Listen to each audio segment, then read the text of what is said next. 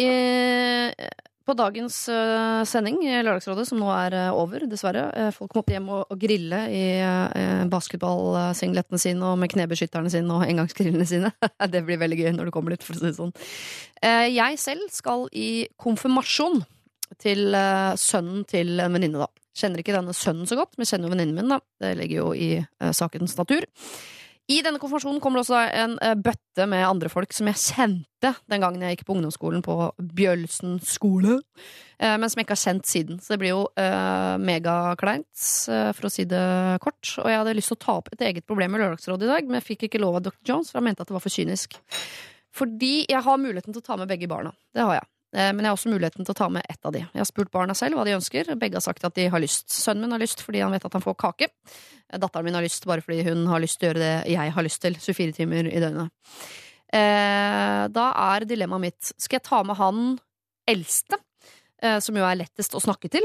Som helt sikkert kommer til å finne på noe bøllefanteri. Og putte tissen sin i bløtkaka eller et eller annet. Han er den, den typen. Og det er jo artig sånn i etterkant, men ikke der og da. Eh, skal jeg ta med han, som jeg da vet at da kan jeg eh, potensielt konversere med andre mennesker i tre til fem minutter før jeg må avverge en eller annen situasjon i naborommet. Eller skal jeg ta med hun lille eh, tøtta, som er jo altså, er så søt at det er, jeg, det jeg skjønner ikke at at jeg har født henne. Jeg lurer på om de har bytta om på sykehuset, for så søte barn skulle ikke jeg få. Eh, men hun er altså så maste at man har lyst til å slenge henne i veggen. Eh, så da kommer jeg ikke til å få snakket med noen andre voksne mennesker i løpet av denne konfirmasjonen.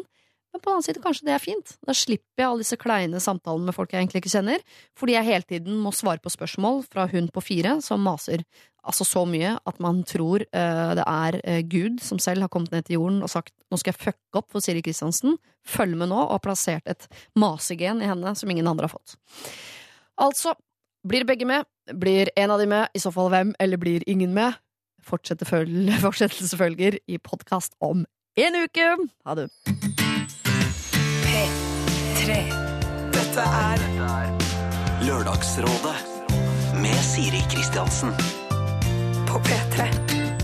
P3. Våren har kommet, folkens. Folk driver og konfirmerer seg, gatene feies før nasjonaldagen, og russen har våknet til eh, liv. Og jeg må innrømme at jeg er litt overrasket over at vi får inn så lite problemer fra dere som jo er eh, russ. For det er en periode med mye moro, men det er også ekstremt mange valg man må ta, og ekstremt mange konflikter når man er russ. Og så er man jo så alene i verden når man er eh, russ, for det er ingen som liker dere, og det er ingen som syns synd på dere i den perioden. Det er bare dere selv, med mindre dere kan søke støtte hos ti år eh, gamle mennesker, for de setter også pris på russen. Men vi i Lørdagsrådet vi kunne ha hjulpet dere, fordi det er vårt eh, mandat å hjelpe folk uansett hva problemet er. Hvis du mener at du har et problem, ja, så har du det uansett hvor lite eller ubetydelig det er i forhold til andre sine problemer. Sjøl syns jeg Rustia var morsom. Jeg skulle bare ønske at den varte mye, mye kortere. Jeg, det hadde holdt for meg ti runder i rundkjøringa, innom Rema 1000, krabbe rundt på alle fire, bite noen i beina, klatre opp i et tre, drikke en sixpack med Hansa eh, premium, kaste opp, dra hjem, ferdig. Det hadde holdt for Jeg trenger ikke liksom repetere det gang på gang, på dag etter dag etter dag. Det, vært, det var helt unødvendig for meg. Det holdt med én runde. Eh, det blei vel en åtte til ti runder av det da jeg selv var eh, russ. Jeg tenkte jeg skulle fortelle en liten russehistorie. Det er sånn vi eh, gamliser liker å holde på. Vi mimrer tilbake til da vi var i militæret, eller da vi var russ. Og her kommer altså min mimrehistorie. Det var 17. mai 1997. Eh, jeg var altså så sliten og bakpå at jeg husker vagt å ha gått i russetog før jeg skal hjemom og bare slappe av litt, og så skal russebussen hente meg før vi drar videre ut.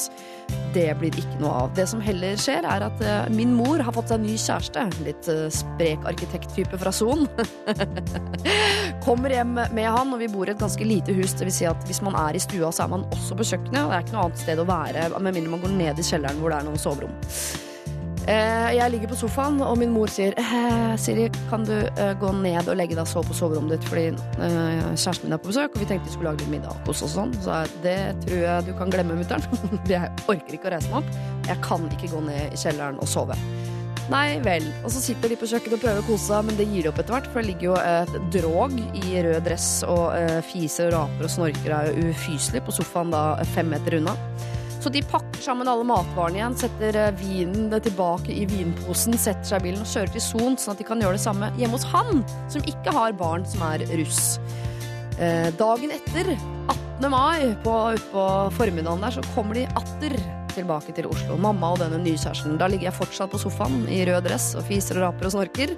Og mamma sier Siri, kan du nå gå ned på soverommet og legge deg, for vi tenkte vi skulle spise lunsj sammen. Mutter'n, det lurer jeg på om du må drite i. Jeg har ikke sjans, jeg orker ikke å stå på gående i kjelleren. Og da fikk min mor nok. Det er ikke så ofte hun får nok. Da sier hun Siri, nå går du ned på rommet ditt. Og det har jeg ikke hørt siden jeg var et lite barn. Og da dro jeg meg opp av sofaen, krabbet ned i eh, kjelleren og la meg på sengen min i den samme russedressen og sov til 19. mai. Så det var en le grand finale på min egen eh, russetid, og også mitt sterkeste minne fra den russetida. Antageligvis det sterkeste minnet til typen til mutter'n. De er ikke sammen lenger. Jeg beklager. Lørdagsrådet På P3. P3 Og til deg som nå sitter og niglor på ditt eh, nyinnkjøpte DAB-apparat, så eh, vil du antageligvis se at det kommer opp en tekst hvert øyeblikk hvor det står 'For katten Ferdinand vann'. Og så tenker du ja, men i all verden, hva er det Lørdagsrådet driver med nå? Skal de ikke gi råd til folk? Har det blitt et jævla veterinærprogram? Eh, vi er både og, vil jeg påstå. Vi hjelper de som har problemer, vi. Og hvis det er en katt, ja, så tar vi tak. Og det gjorde vi for noen uker siden. Da var Jenny Skavlan her sammen med Nils Ingar Odne, eller Nilsi som han kalles på folkemunne, og Daniel Kvammen, som jeg ikke aner hva kaller på eh, kalles på folkemunne, men antageligvis hot stuff, eller noe lignende. Vi tok tak i et problem der eh, en bitte liten familie hadde en katt som var noe bortskjemt. Den likte helst å drikke rennende vann fra springen, noe som resulterte i en veldig møkkete vask, og der sto også tannbørste. Og det var rett og slett et hygieneproblem, samtidig som det var et litt sånn empatisk problem, fordi de hadde jo et stort hjerte som banket for denne katten, og de hadde jo latt den drikke rennende vann i ti år. Skulle de nå ta fra katten denne deilige goden det er å drikke rennende vann? Sånne problemer tar vi tak i her i Lørdagsrådet, og du skal få høre noen av rådene som ble gitt. Lørdagsrådet På P3. Det å endre vanene til en ti år gammel katt, Ja. sånn jeg kjenner katter, vanskelig. Veldig vanskelig. Van vanskeligere enn mennesker, vil du påstå? eller? Ja, det tror jeg. Så de er nok i stand til å installere en eh, jævlig lav kran eh, utenfor badet. bygge en ny kran nå. Den skal dø snart, skal den ikke det? Den er ti år. Eh, kanskje litt voldsomt. Kan bli grep. 20. Kan bli 20. Ja da. Men tror dere ikke bare Ferdinand er glad i, i rennende vann? Da? Nei, Så kan du kjøpe sånne bitte små fontener på Grønland Ja, og det kan sånn. man. Som egentlig bare er å eh, putte i en stikkontakt, og så er det sånt lite maskineri som drar vannet opp. Sette det utenfor døra til badet. Eh, jeg, eh, jeg bare stopper det der, for det er noe av det mest geniale jeg har hørt eh, siden jeg ble menneske. Dette er Lørdagsrådet På P3. P3 Ja, Det er faktisk noe av det mest geniale jeg har hørt siden jeg ble menneske. Eh, det mest geniale jeg vet om eh, siden jeg ble menneske, er eh, rundkjøring og teip. Så da har vi altså rådene til Jenny Skavlan. Rundkjøring og teip oppsummerer altså de mest geniale tingene jeg vet om her i verden. Vi har fått ny mail fra kattefamilien hvor det står ja, det var veldig gøy å høre dere diskutere katten vår. Nå har det gått noen uker siden vi stengte døra til badet, og det ser ut til at han har skjønt greia. Men han har en bisarr glede i å drikke fra rennende vann, eh, så vi tar med oss rådet til Jenny videre. Ikke det med egen kran, men vi kommer til å investere i en kattefontene i eh, fremtiden. Bildet kommer senere. Vi gleder oss. Dette er P3 God morgen, kjære rådgivere. God morgen. I dag eh, har jeg med meg komiker Christian Mikkelsen. God morgen. Hei, god morgen. Gratulerer med komipris. Tusen hjertelig takk. Hvilken pris var det igjen? Hæ? Hvilken pris var det igjen? Hedersprisen Nei, tok jeg etter lang og tro tjeneste. Det var veldig Var det årets nykommer? eh, Årets gjennombrudd, heter det. Årets gjennombrudd var det, ja. ja. Føler du at det er i år, det gjennombruddet? Eh, nå kom det inn igjen og justerte på mikrofonen min. Ja, Du Eh, har egne folk til ja, å flytte på mikrofonene for oss. Hva var det du spurte, sa du? Om jeg hadde en hyggelig samtale med Britt Elisabeth Hågensli? Ja, det du sa? det var det jeg lurte på. Jeg hadde en veldig hyggelig samtale med Britt. Ja. Eh, Hun tok jo hedersprisen. Ja. Vi dro på God morgen Norge dagen etterpå. Det var rett og slett en herlig opplevelse. Ja, Har dere noe felles? Eh, annet enn et jovialt lynne og en eh, forkjærlighet for kjeks om morgenen? Nei, ikke så mye. Komiker Janne Rønningen, eh, velkommen om bord. Takk for det. Jeg har hatt deg i tankene siden 2010, da dette programmet startet. Jeg aner ikke hvorfor ikke du er her før. Nei, ikke jeg heller. Nei. Jeg har jo minna deg på det ved et par anledninger. Har du det? At jeg, at jeg kunne tenke meg å komme innom en tur. Ja. Ja. Jeg er jo også spesialpedagog. Det er jo bare nevne det Sånn at eh, jeg kan svare på mye rart. Altså, jeg eh, har et vidt spenn. Er du spesialpedagog? Men Er ikke du formingslærer? da? Nei, det er jeg ikke. Jeg er, eh, jeg er faglærer i forming Nei, faen! Unnskyld! Det er heter ikke forming lenger. Det heter heter design, eh, arkitektur og håndverk. Har de gjort om forming til design, arkitektur og håndverk? Ja. Så lurt. Er det noe dere står for, eh, venstrepolitiker Abid Q. Raja? Er det etter ditt påfunn? Vi er veldig for kunstnerisk frihet, eh, Ja. og, eh, og at man skal slippe kulturen fri og Ja. ikke ha statlige bindinger. Så vi er veldig for det der. Du, nå har vi en representant fra hvert eneste parti nesten som har vært innom her i Lørdagsrådet. Bortsett fra Frp, faktisk. Men det er, De vil jo legge ned kulturen. Jeg tror de vil vedta å legge ned kulturen. det er derfor vi ikke tør invitere dit. Vi Ja. vet ikke om de tar med seg lokalene når de går og sier takk for nå, NRK. Men vi har én, han Ib Thomsen. Han er opptatt av Nasjonalgalleriet, har jeg fått med. Hva heter han, sa du? Ib Thomsen. Ib Thomsen? Ja, jeg tror han er den eneste. Dansk type, eller? Jeg veit ikke, men han blir mobbet, sier han. Ja, og han sier fint. at jeg ikke skal nevne han som en sånn bra Frp-er, for han får alltid kjeft internt når jeg gjør det. Han er for flink, liksom. De tenker Nei, at han burde vært med i et annet det er ingen Frp-er som vil bli likt av en brun nordmann. Nei, nei, jeg skjønner. Eh, men eh, hvis du skulle ha smelt opp Venstres eh, liksom, viktigste saker på en fane, hva skulle det vært? Nei, det er jo Vi må jo ta vare på generasjoner som kommer etter oss. Og det er både å ta vare på kloden, men også å gi dem god omsorg gjennom oppveksten, så at de lykkes som individer. Så skole og miljø er dere opptatt av. Ja, det er viktig. Eh, er det noe mer jeg skulle gjennom? Kjerneverdier, Abund Nei. Sivil status er jeg litt, eh, pleier jeg å spørre om. Mm. Ligger vi an? eh, Jeg sparer deg, Janne, for at du er litt wildcard på det. Eh, Abid, hvordan er din sivile status? Du, Den er veldig stabil. Jeg er gift tre barn. Ja. Og fosterbarn. Så Er du gift fire, med tre barn? Nei, jeg er gift og har tre barn med samme Bra. dame. Og fosterbarn som ikke er da mitt eget. Heller ikke hennes. Men det er jo sånn Som det er med bor i en fosterbarn. eller annen eh, Altså mange Som bor hundre hos mil unna. Som bor hos dere. Ja, vi har et fosterbarn i tillegg til våre tre biologiske barn. Så vi har fire barn. Så fantastisk. Som er yngst, som dere har fått nå på tampen. Nei, hun er eldst, faktisk. Hun er eldst. Ja. Herregud, for en gjeng. En ungdom. Så du tok om bord en, en ungdom eh, etter at du hadde fått eh, tre egne barn? Det føler. Men nå er jo mine litt De er jo te, eh, de, de to, Jeg har tvillingjenter på ti år og en gutt på åtte. Ja. Så, så er jeg fosterjente på 15. Ja. For en fantastisk ting ved deg. Og jeg har hengt meg opp i den lille setningen jeg leste et intervju en gang om at du er født uten rumpehull. Dette er jo mye mer interessant, Ja. egentlig. Men eh, den, eh, den opererte de ut igjen, da. Men, Ja. eh, men det, da var jeg jo nyfødt baby. Men Ja. det er sikkert mange ting man blir født med som er rariteter. Men heldigvis så har jeg det i dag, da. Du har det i dag, ja. Jeg har det i dag. Det hadde Det vært litt komplisert. Hvordan er det med deg, Kristian, og uh, sivil status? jeg har eh, kjæreste. Ja. Har hatt det lenge. Mm. Eh, leter etter å kjøpe leilighet med henne. Prøver på det. Mm. Er ikke så lett. Nei. Det er veldig mange folk i Oslo som skal kjøpe leilighet akkurat nå. Satt hun ved siden av deg på Komiprisen og er altså, Det eh, hun. det gutter vil beskrive som grisedeilig? Jeg syns jo åpenbart det. Ja. Siden jeg har vært sammen i seks-sju år nå. Ja. Mm. Så øh, hyggelig, da. Mm. Ikke at det er det som teller, men gjør jo ikke noe, liksom. Nei da, det, det, det plager ikke meg, det. At eh, eh, Nå, Sorry, Hun snakker ikke så godt norsk, eh, fordi hun har en IQ på 30. Ja. Eh, men ellers så er hun en utrolig hyggelig jente. Ja. Absolutt. hyggelig og veldig pen. Mm. Mm. Hun klarer ikke å åpne dører og sånn, så jeg tar bare. Nei, men altså, ikke sant? Det kan jo du gjøre selv. Ikke sant? Ja. Jeg kan jo åpne det for henne når hun må ut. Ja, ja. Og må, Må hun ut? toalett også. Og Ja, lufte henne. ikke sant? Det er en hund jeg har. Eh, jeg har bare en hund. Eh, En gri, en grisedeilig hund. Neida, jeg har en eh, veldig vakker og smart kjæreste som eh, jeg gleder meg til å kjøpe leilighet med en gang i 2019. Eh, når dette leilighetsmarkedet krasjer. Ja, Mm. det blir veldig deilig for mange. Det. Mm. Eh, hvordan er det med din sivile status, Janne?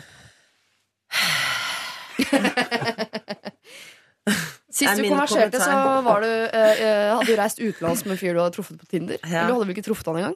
Jo, jeg hadde tatt en kaffe med han og egentlig avlyst. Altså Skal jeg, skal jeg dra kort? Ja takk. Ja, takk. Okay, Forklar jeg- det like kort som eh, Abid klarte å forklare Venstres politikk. Vær så god.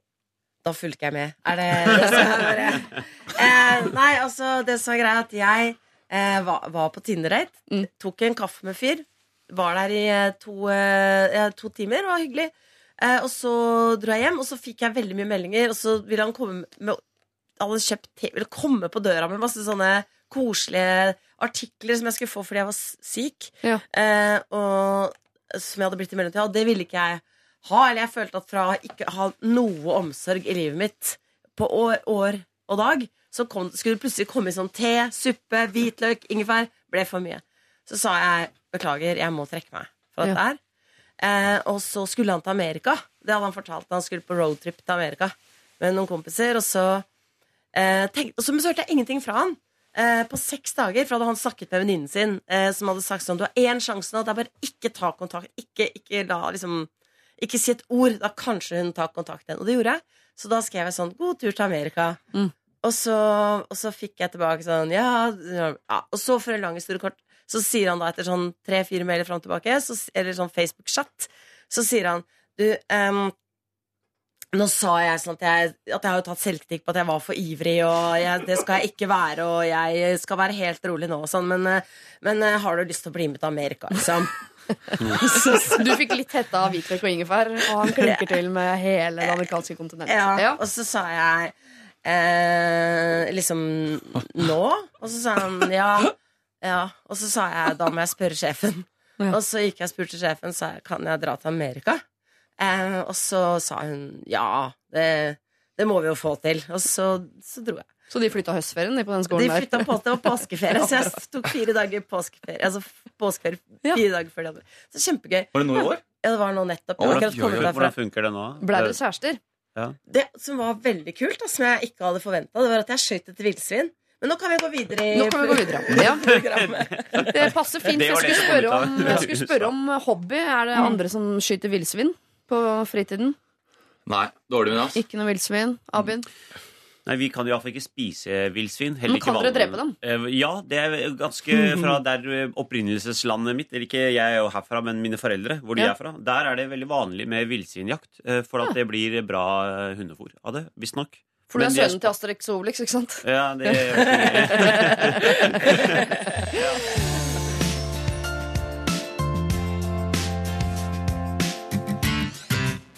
Venstrepolitiker Abid. Ikke ku lenger, du har tatt bort kuen. Jo, den kuen er Er der, det men, eh, men eh, det er ikke, man bruker ikke det muntlig. Ja, man nei, bare skriftlig. Ja, det er, jeg tror det. Jeg, jeg skriver det med kun. Jeg syns det er mer schwung Abid Ku Raja enn bare Abid Raja. Ja, jeg syns du skal beholde schwungen. da. Da beholder jeg kuen. Ikke si punktum, da. Abid Q punktum Raja. Nei, det det skal jeg prøve å For navnet ditt er ikke en e-postadresse. Hvis jeg gjør det, så er det fordi jeg prøve å tenke Venstre og det. Og som dere hører, så er det også komikere her. Christian Mikkelsen og Janne Kristian Rønningen. Q. Mikkelsen. Ikke sant? Det er komikerbiten av meg som bare er Mikkelsen. crazy. Mikkel. Mikkelsen. Eh, Jeg har en eh, feil oppi hjernen min. Jeg har flere. En av de er at når det er andre morsomme mennesker i studio, så tror jeg også at jeg er en av de, så da eh, blir det mye dårlig ordspill og sånn utover dagen. Jeg beklager det på forhånd. Nå skal vi prøve å gi eh, råd eh, herfra og til klokken tolv, og førstemann ut som får vår hjelp, er Sara, 24 år gammel. Jeg er muligens over gjennomsnittet glad i hund. Jeg er blant de som definitivt skal ha valp før jeg får barn. Nå er jeg student og har verken økonomi eller tid til å ha min egen hund, men når jeg er ferdig utdanna, så tipper jeg at jeg kommer til å finkjemme annonser for hund til salgs før jeg ser på jobbutlysning. For noen år siden var jeg aktiv på en datingapp. Det vet Janne alt om. Gjennom denne appen møtte jeg en mann, la oss kalle han Fredrik. Fredrik var kjekk, han et par år eldre enn meg, godt utdanna osv., men best av alt, han hadde en hund. Og det var en valp, en sukkersøt, lite lykketroll med rødbrun pels, som kunne ha sjarmert- hvem som helst. Så jeg møtte Fredrik, og vi hadde det fint, vi. En god rutine med middag, film og sex, men best av alt, jeg fikk være med denne hunden. Etter et par møter ble Fredrik mindre og mindre interessant, men hunden var fremdeles umotståelig, så jeg fortsatte å møte Fredrik. Etter en måneds tid innså jeg at å ha sex med en mann kun for å gå tur og leke og kose med hunden hans, er komplett galskap. Så vi sluttet å, mø vi sluttet å møtes, og han flyttet etter hvert ut av byen, og jeg fant en annen flott mann uten hund, som nå er min fantastiske kjæreste. Jeg har fått litt bilder på Snapchat fra denne Fredrik de siste to årene, som for det meste er videoer og bilder av denne sinnssykt søte hunden. Og dette syns jeg er hyggelig, man kan jo aldri få for mange hundesnaps.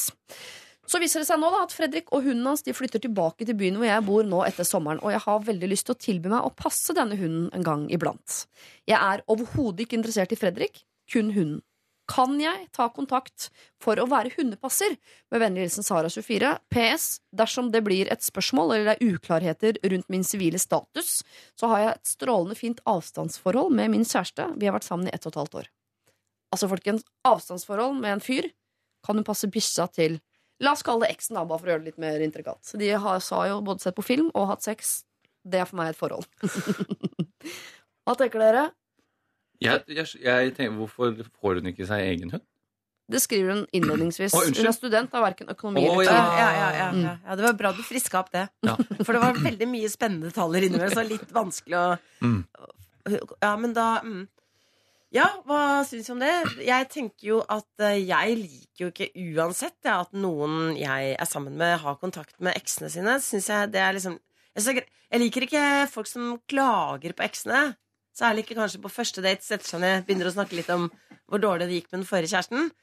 Men, eh, men jeg syns ikke det er noe bra med folk som for, tilbringer tid med eksene sine. Du skal ikke tilbringe tid med eksen, bare med bikkja hans. Ja, det er et godt poeng, Siri. Men uh, Siri, det er jo, hun må jo møte Fredrik for å ta imot Bisha. For Bisha kan jo ikke komme av seg sjøl. Men uh, den nye kjæresten som vi ikke fikk navn på, Mm. tror jeg, han er jo sånn avstandsfyr. Så, men hun må jo fortelle han da at jeg skal møte Fredrik. Det som er fint, er jo at hun egentlig ikke har noe til overs for Fredrik. Altså Hun er nesten på grensa til anførselstegn kvalmende over Fredrik. Det er bare, Hun har hatt sex med han pga. bikkja. Det er egentlig litt, litt rart, er det. Men, Folk har eh, hatt sex for eh, mindre materielle ting enn hunder, for å si det sånn. men jeg tenker hvis hun sier det til sin nåværende kjæreste, Ja. som hun har avstandsforhold til, at jeg kvalmer over Fredrik, men jeg elsker bikkja, kan jeg gå tur med bikkja, og han syns det er fair game, så er vel det greit. Men, Men kastet en brannfakkel her, Abid. Eh, hvis hun, ikke, hun har ikke noe til overs for han Fredrik, ikke sant? eh, ja. Eh, Han har i hvert fall fått et navn da i mailen. Jeg bare nevner det. ja, Ja. vi kaller han det nå. Ja, jo. Eh, men hun sier jo det, hun har ikke noe til overs for han. Eh, og, eh, og, og hun er glad i kjæresten sin, hun er veldig glad i som hun har avstandsforhold med. Må hun da si til, til eh, han avstandsfyren at det er eksen sin hund jeg skal passe? Kan hun ikke bare si at det er en gammel tjommi fra, fra studiene eller noe som har en veldig hyggelig hund? Men det vil være litt uærlig da, i et forhold hun mener hun Jo, har det veldig bra med, ja. og forhåpentligvis skal ha en framtid med. Så Jo. vil det være en sånn uærlig start på det hele. Hvorfor ikke bare, istedenfor at det gradvis må komme frem, og lage et problem etterpå, bedre å si med en gang du, eh, sånn var det, men eh, sånn vil jeg ha det, og er det greit? Og Jeg gjør tenker at det vil, stresse, det det vil stresse han unødig, han avstandsfyren. Så jeg skjønner at det er uærlig, men hun gjør jo på en måte ikke noe umoralsk ved å passe hunden til eksen. Så det, da vil heller han, kjæresten i avstandsforholdet, sitte og tenke ok, hun driver og snakker med eksen.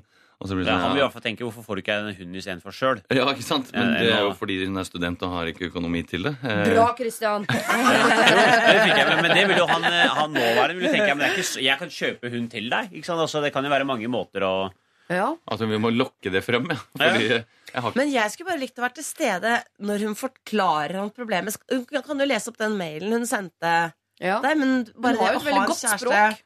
Ja, hun har et veldig godt språk. Mm.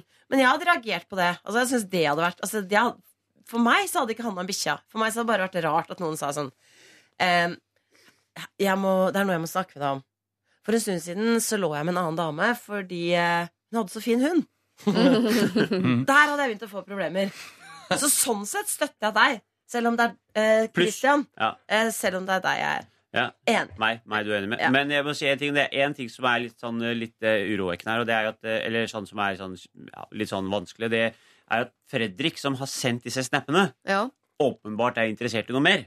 Han bruker For- bikkja. At han bruker bikkja han, han vet, han har jo åpenbart skjønt at hun hadde sikkert sex med meg mer pga. bikkja enn med meg. Men, eh, så han er jo klart interessert i mer. Så hvis hun da nå tar kontakt med han for å gå med bikkja, så vil jo han tro at noe er på gang. eh, Og vil jo iallfall forsøke seg. Og det skaper jo en sånn unødvendig Vet du, du er, Ja. så klok. ja, hvis, ikke, hvis ikke hun bare har sett det på My-storyen. Nei, det står Snap. Ja, at det er sendt, Mm, at det er ja, ja. mottatt og åpnet. Ja. Både Ja, ja tekst og bilde og video. Det- Snap er nevnt to ganger. Ja, nettopp, ja. Men dette, her er dere ikke helt enige, det hører Han blir klar med en gang. Vet du. Han tenker nå skjer det igjen. Nå er jeg klar. Han kommer til å gi bad til hunden og freshe den opp og parfymere den. Jeg vet- ikke hva man gjør med hunder. Men eh, Kanskje han gjør det med seg sjæl òg? Bader og parfymerer. utstillingsvindu. Lage det utstillingsvinduet av hunden. Eller kjøre inn masse hund, og så gradvis snike seg selv inn. Liksom, mer og mer inn i bildet og videoene. Ja. Mm. Nå har jeg bilde av en ekkel type som ser at hun koser med hunden, så legger han penisen sin under pelsen til hunden bare for at hun skal stryke på altså, nå, Dere gjør det Det så er liksom sånn grisete for meg. Pavlovs hunder. At han liksom Hun blir kåt hver gang hun ser hunder fordi hun har ligget med han fyren. Det var rart. Jeg stoppa der. Jeg Ja. der. Det Nå gjør dere det verre enn det er, og det er, egentlig, det er egentlig fint. Og jeg skal legge til et lite element der som jeg også syns dere kan tenke litt på før vi bestemmer oss for hva vi skal råde Sara til å gjøre, nemlig det at hun er i et avstandsforhold. Hvis hun får et uh, forhold til denne hunden, så vil det si at hun møter Fredrik oftere enn hun møter typen, antageligvis, hvis hun skal passe denne bikkja. Uh, og i tillegg så vil jeg bare minne dere om at denne Fredrik han driver og sender henne snap, og det har han gjort altså i de ett og et halvt årene hvor hun har hatt type. Vet han om det? Det vet vi ikke, men det er lov å problematisere. Fredrik noe særlig om det. Men, jeg, men jeg, rådet må jo her være at hun må jo minst spørre nåværende kjæreste, eller si ifra. Eh, eh, men ideelt sett så burde hun vel kanskje klare å overstå den fristelsen å møte denne hunden. Er det greit at Sara tar kontakt med, eh, med denne Fredrik for å være hundepasser, Kristian? Eh, jo mer jeg tenker på det, så har jeg lyst til å si nei. Jeg, jeg syns kanskje bare det burde, burde prøve å motstå den fristelsen der, og så heller glede seg til hun kan få sin egen hund. Ja. Det blir så mange, mange liksom, ting man må Og hvis han da liksom skal Da, da blir det verre og verre for han avstandskjæresten. da. I hvert fall for henne også å forholde seg til han Fredrik. Ja. Og jeg spekulerte jo litt om om kanskje ikke burde si det. At man bare burde liksom Ja, du var innom den gjøre der, det. Mm. Ja, fordi jeg vet selv at jeg, jeg som avstandskjæreste hadde kanskje satt pris på å ikke vite noe. Eh, for hvis, hvis, hun, hvis hun har bare edle hensikter, på en måte. Men det blir liksom så mange forhold man må ta med at, hun, med at han kanskje vil dra henne lenger og lenger inn i gangen. Som en sånn eh, Han har et hundebånd allerede med Ja, sånn eh, catch and release-funksjon på. Jeg har, eh, jeg har faktisk en, et forslag til løsning her. Ja. Altså, Hvis de da avtaler Bare snakker sammen én gang, da. Altså øh, hun Hva heter hun igjen? Sara og Fredrik. Sara og Fredrik. Mm. Og avtaler at hun f.eks. skal passe bikkja annenhver helg. da Si en lørdag annenhver helg. Så kan de bare avtale at han For det gjør jo folk. Eh, setter fra seg bikkja utafor butikker og sånn. Ja. Så kan binde fast eh, bikkja utafor Utafor en butikk og gå, og så kommer hun. Så har de på en måte ikke kontakt, og de har bare gjort avtalen én gang. Så de, det blir sånn, er det greit at jeg tar kontakt med Fredrik én gang?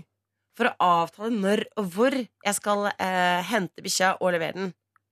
Men gjør man ikke mer betent da ved å si sånn 'vi kan ikke ses', for da veit jeg ikke hva som skjer. Da faller buksa ned, og det og opp, og her, da blir det Men altså, helt det du, start, du startet med var, eh, etter sangen, var eh, Hvis vi ser det fra Fredriks perspektiv. Ja. Mm. Så Som som gammel advokat så man får man sånn unik evne til å sette seg inn i klientens perspektiv. Så Ja. fra klientens perspektiv så bør hun jo ta kontakt. Fordi at Fredrik han vil jo være fornøyd med å bli tatt kontakt med. Og Ja. selv om han ikke får noe mer, selv om han ikke får noe mer, så er det bare den derre eh, muligheten for at han kan få noe mer. Bare den sjansen på at han kan få noe mer. Bare den derre lukten av det. Det vil være nok for han at hun tar kontakt. Så sett isolert sett fra Fredriks ståsted, Ja. så er det helt uproblematisk at hun tar kontakt. For han vil synes at enhver kontakt vil være digg. Ja, Vel, og han får, noe ja. mer får han jo. Han får jo en hundepasser. Så et eller Ja, annet ja, får han. får jo noe, pluss at han har muligheten til det. Så han, han, han har jo initiert denne, denne Snapchatten for at kontakten skal gjenopprettes. Så isolert sett, sett fra hans ståsted, Ja. så er det jo eh, men man, Det er jo ikke han det handler om. Men hvis man ser det fra hans ståsted, så har jo han ingen problemer med at hun tar kontakt. Da flytter vi problemet over på typen. Det er han som har et problem med dette, antageligvis. Kanskje. Ja, men jeg må bare si noe til det du sa der, altså, fordi har du mange ekser?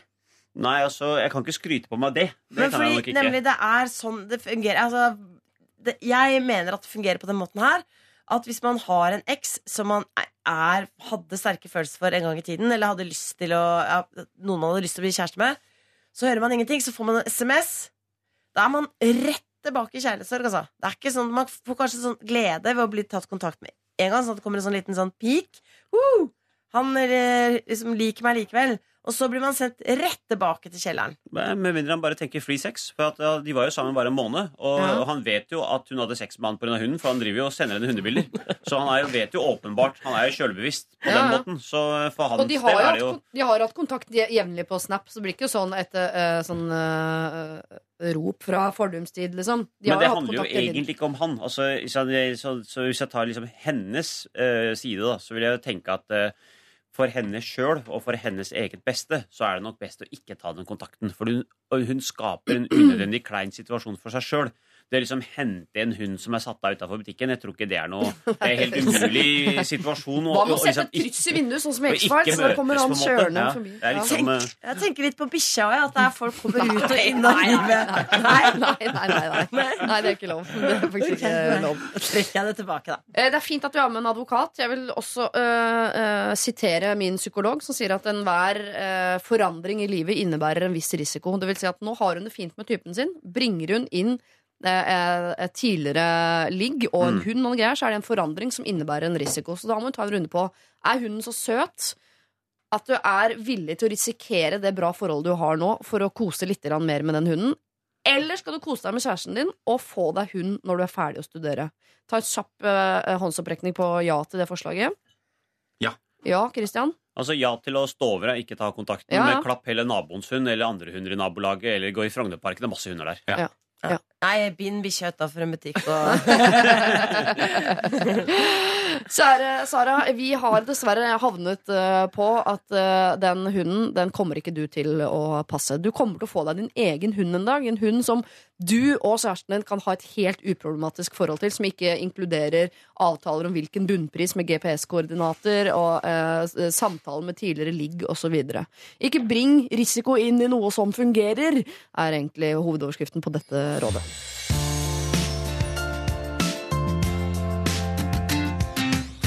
Nå er det klart for nytt problem, eh, folkens. Er dere klare? Ja. Ja. Komiker Janne Rønningen, komiker Christian eh, Heter du ikke også Fredrik Mikkelsen? Jeg heter også Fredrik, ja. Ja, Vi og kan velge å Abid bruke begge. Q-Raja. Hva står Q-en for? Eh, Det er veldig langt. Du kan, det er ikke KU, iallfall, men det er eh, Lykke til. Lykke til. Kayem. Ja, det, er ingen, det, det er derfor forkorta jeg det til Q punktum, for ingen klarte å stave det. Ingen klarte å uttale det. Det ble bare tull. Men jeg er ikke så langt unna Så når jeg ble sier Kayem. integrert. Jeg ble integrert. Nei, det er litt langt unna. Kayum. Kajom. Ja, og så prøv å stave det. Se, ikke sant? Det, det Q-U-A-A-A-Y-E-A. er mitt poeng. My point exactly, sir. Så derfor ble det Q punktum. Ja. Q-punktum. veldig Punktum, integrert. punktum, punktum. Ok, vi setter et punktum for den eh, debatten og går eh, videre til et problem som jo er det Lørdagsrådet i all hovedsak dreier seg om. Problemet er en venninne som oppfører seg utrolig fælt i fylla. Hun er en person som drikker relativt mye. eh, Det blir som oftest for mye. Når hun blir så full, blir hun en helt annen person. Hun skriker, detter over folk, armer og bein overalt, og hun blir rett og slett plagsom og ekkel. Jeg mister helt kontakten med henne når hun er sånn, og eh, hun er umulig å snakke til. Jeg blir da som oftest barnevakt hver eneste helg, og det blir etterfulgt med blåmerker etter slagene hennes i trynet. Jeg tror det er da armer og bein overalt. Er ikke, de går ikke inn i ringen og slåss, på en måte.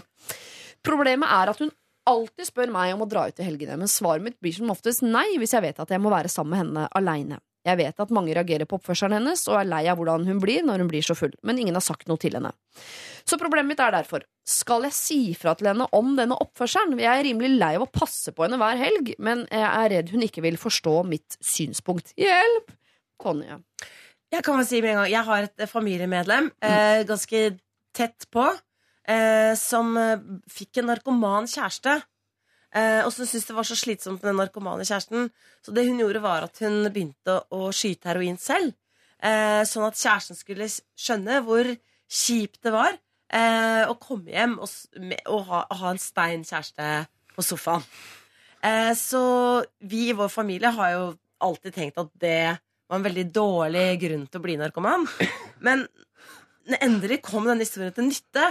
Fordi nå tenker jeg hva Det hun gjør, er selvfølgelig Hun inviterer til vorspiel hjemme hos seg selv. Mm. Og når venninna kommer, så er hun døddrukken. Altså Hun har bare sittet sånn og shotta rein gin, eller vodka, eh, fra klokka tre. Så når venninna kommer sju, så bare ramler hun ut av døra og kaster opp på skoene hennes. Så er det problemet løst. Neste problem, takk.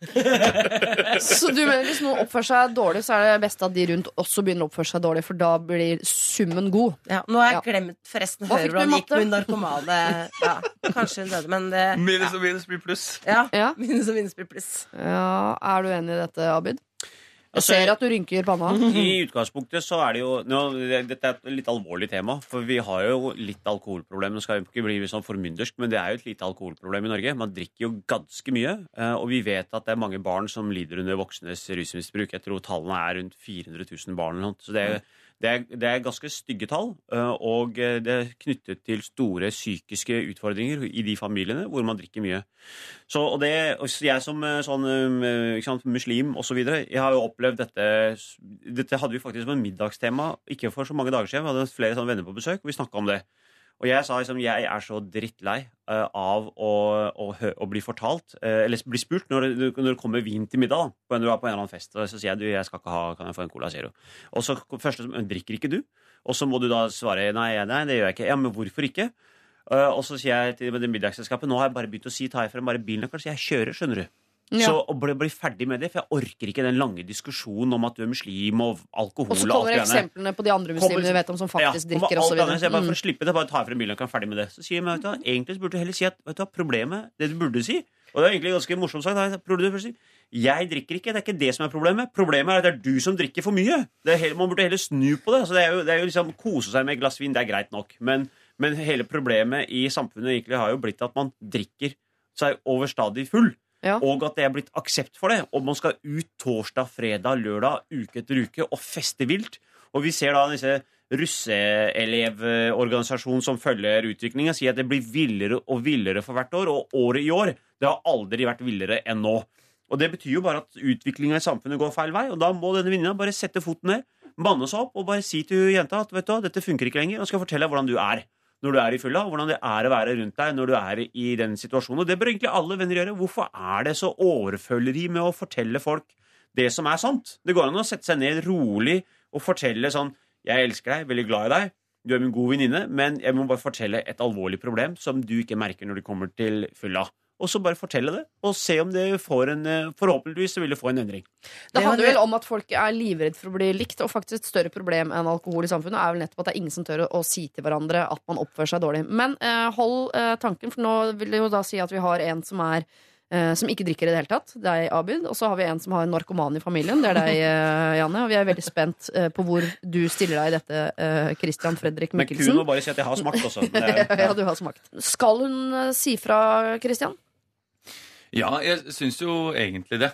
Eh, Men jeg, jeg kan jo skjønne at Eller det virker som at hun er redd for liksom at eh, hvis hun sier fra, så kanskje de vil bli uvenner, eller at, de, at hun kommer til å bli veldig sint og såra. Jeg syns egentlig det virker litt som om hun venninnen er litt urimelig, eller siden hun er redd for å si det, på en måte.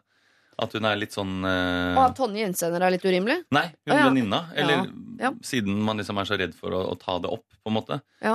Men som det også ble nevnt i, i, um, i eh, pausen her mens eh, sangen spilte, så, så er det jo noe med at hun, hun, hun tar jo på seg en veldig rolle om å, om å passe på, å være barnevakt, og kanskje man bare må prøve å legge fra seg det, og så heller bare forlate henne og, og la det stå til når hun drikker seg snydens og kødder det til. Ja. Jeg vet ikke om det kommer til å hjelpe, men uh... Ja, vi snakket jo om det, jeg tenkte også på det Kan bare legge bort omsorgsgenet litt grann. Eh, Men så tenker jeg også at hvis du først har det omsorgsgenet Er hun som passer på når andre driter seg ut Mm.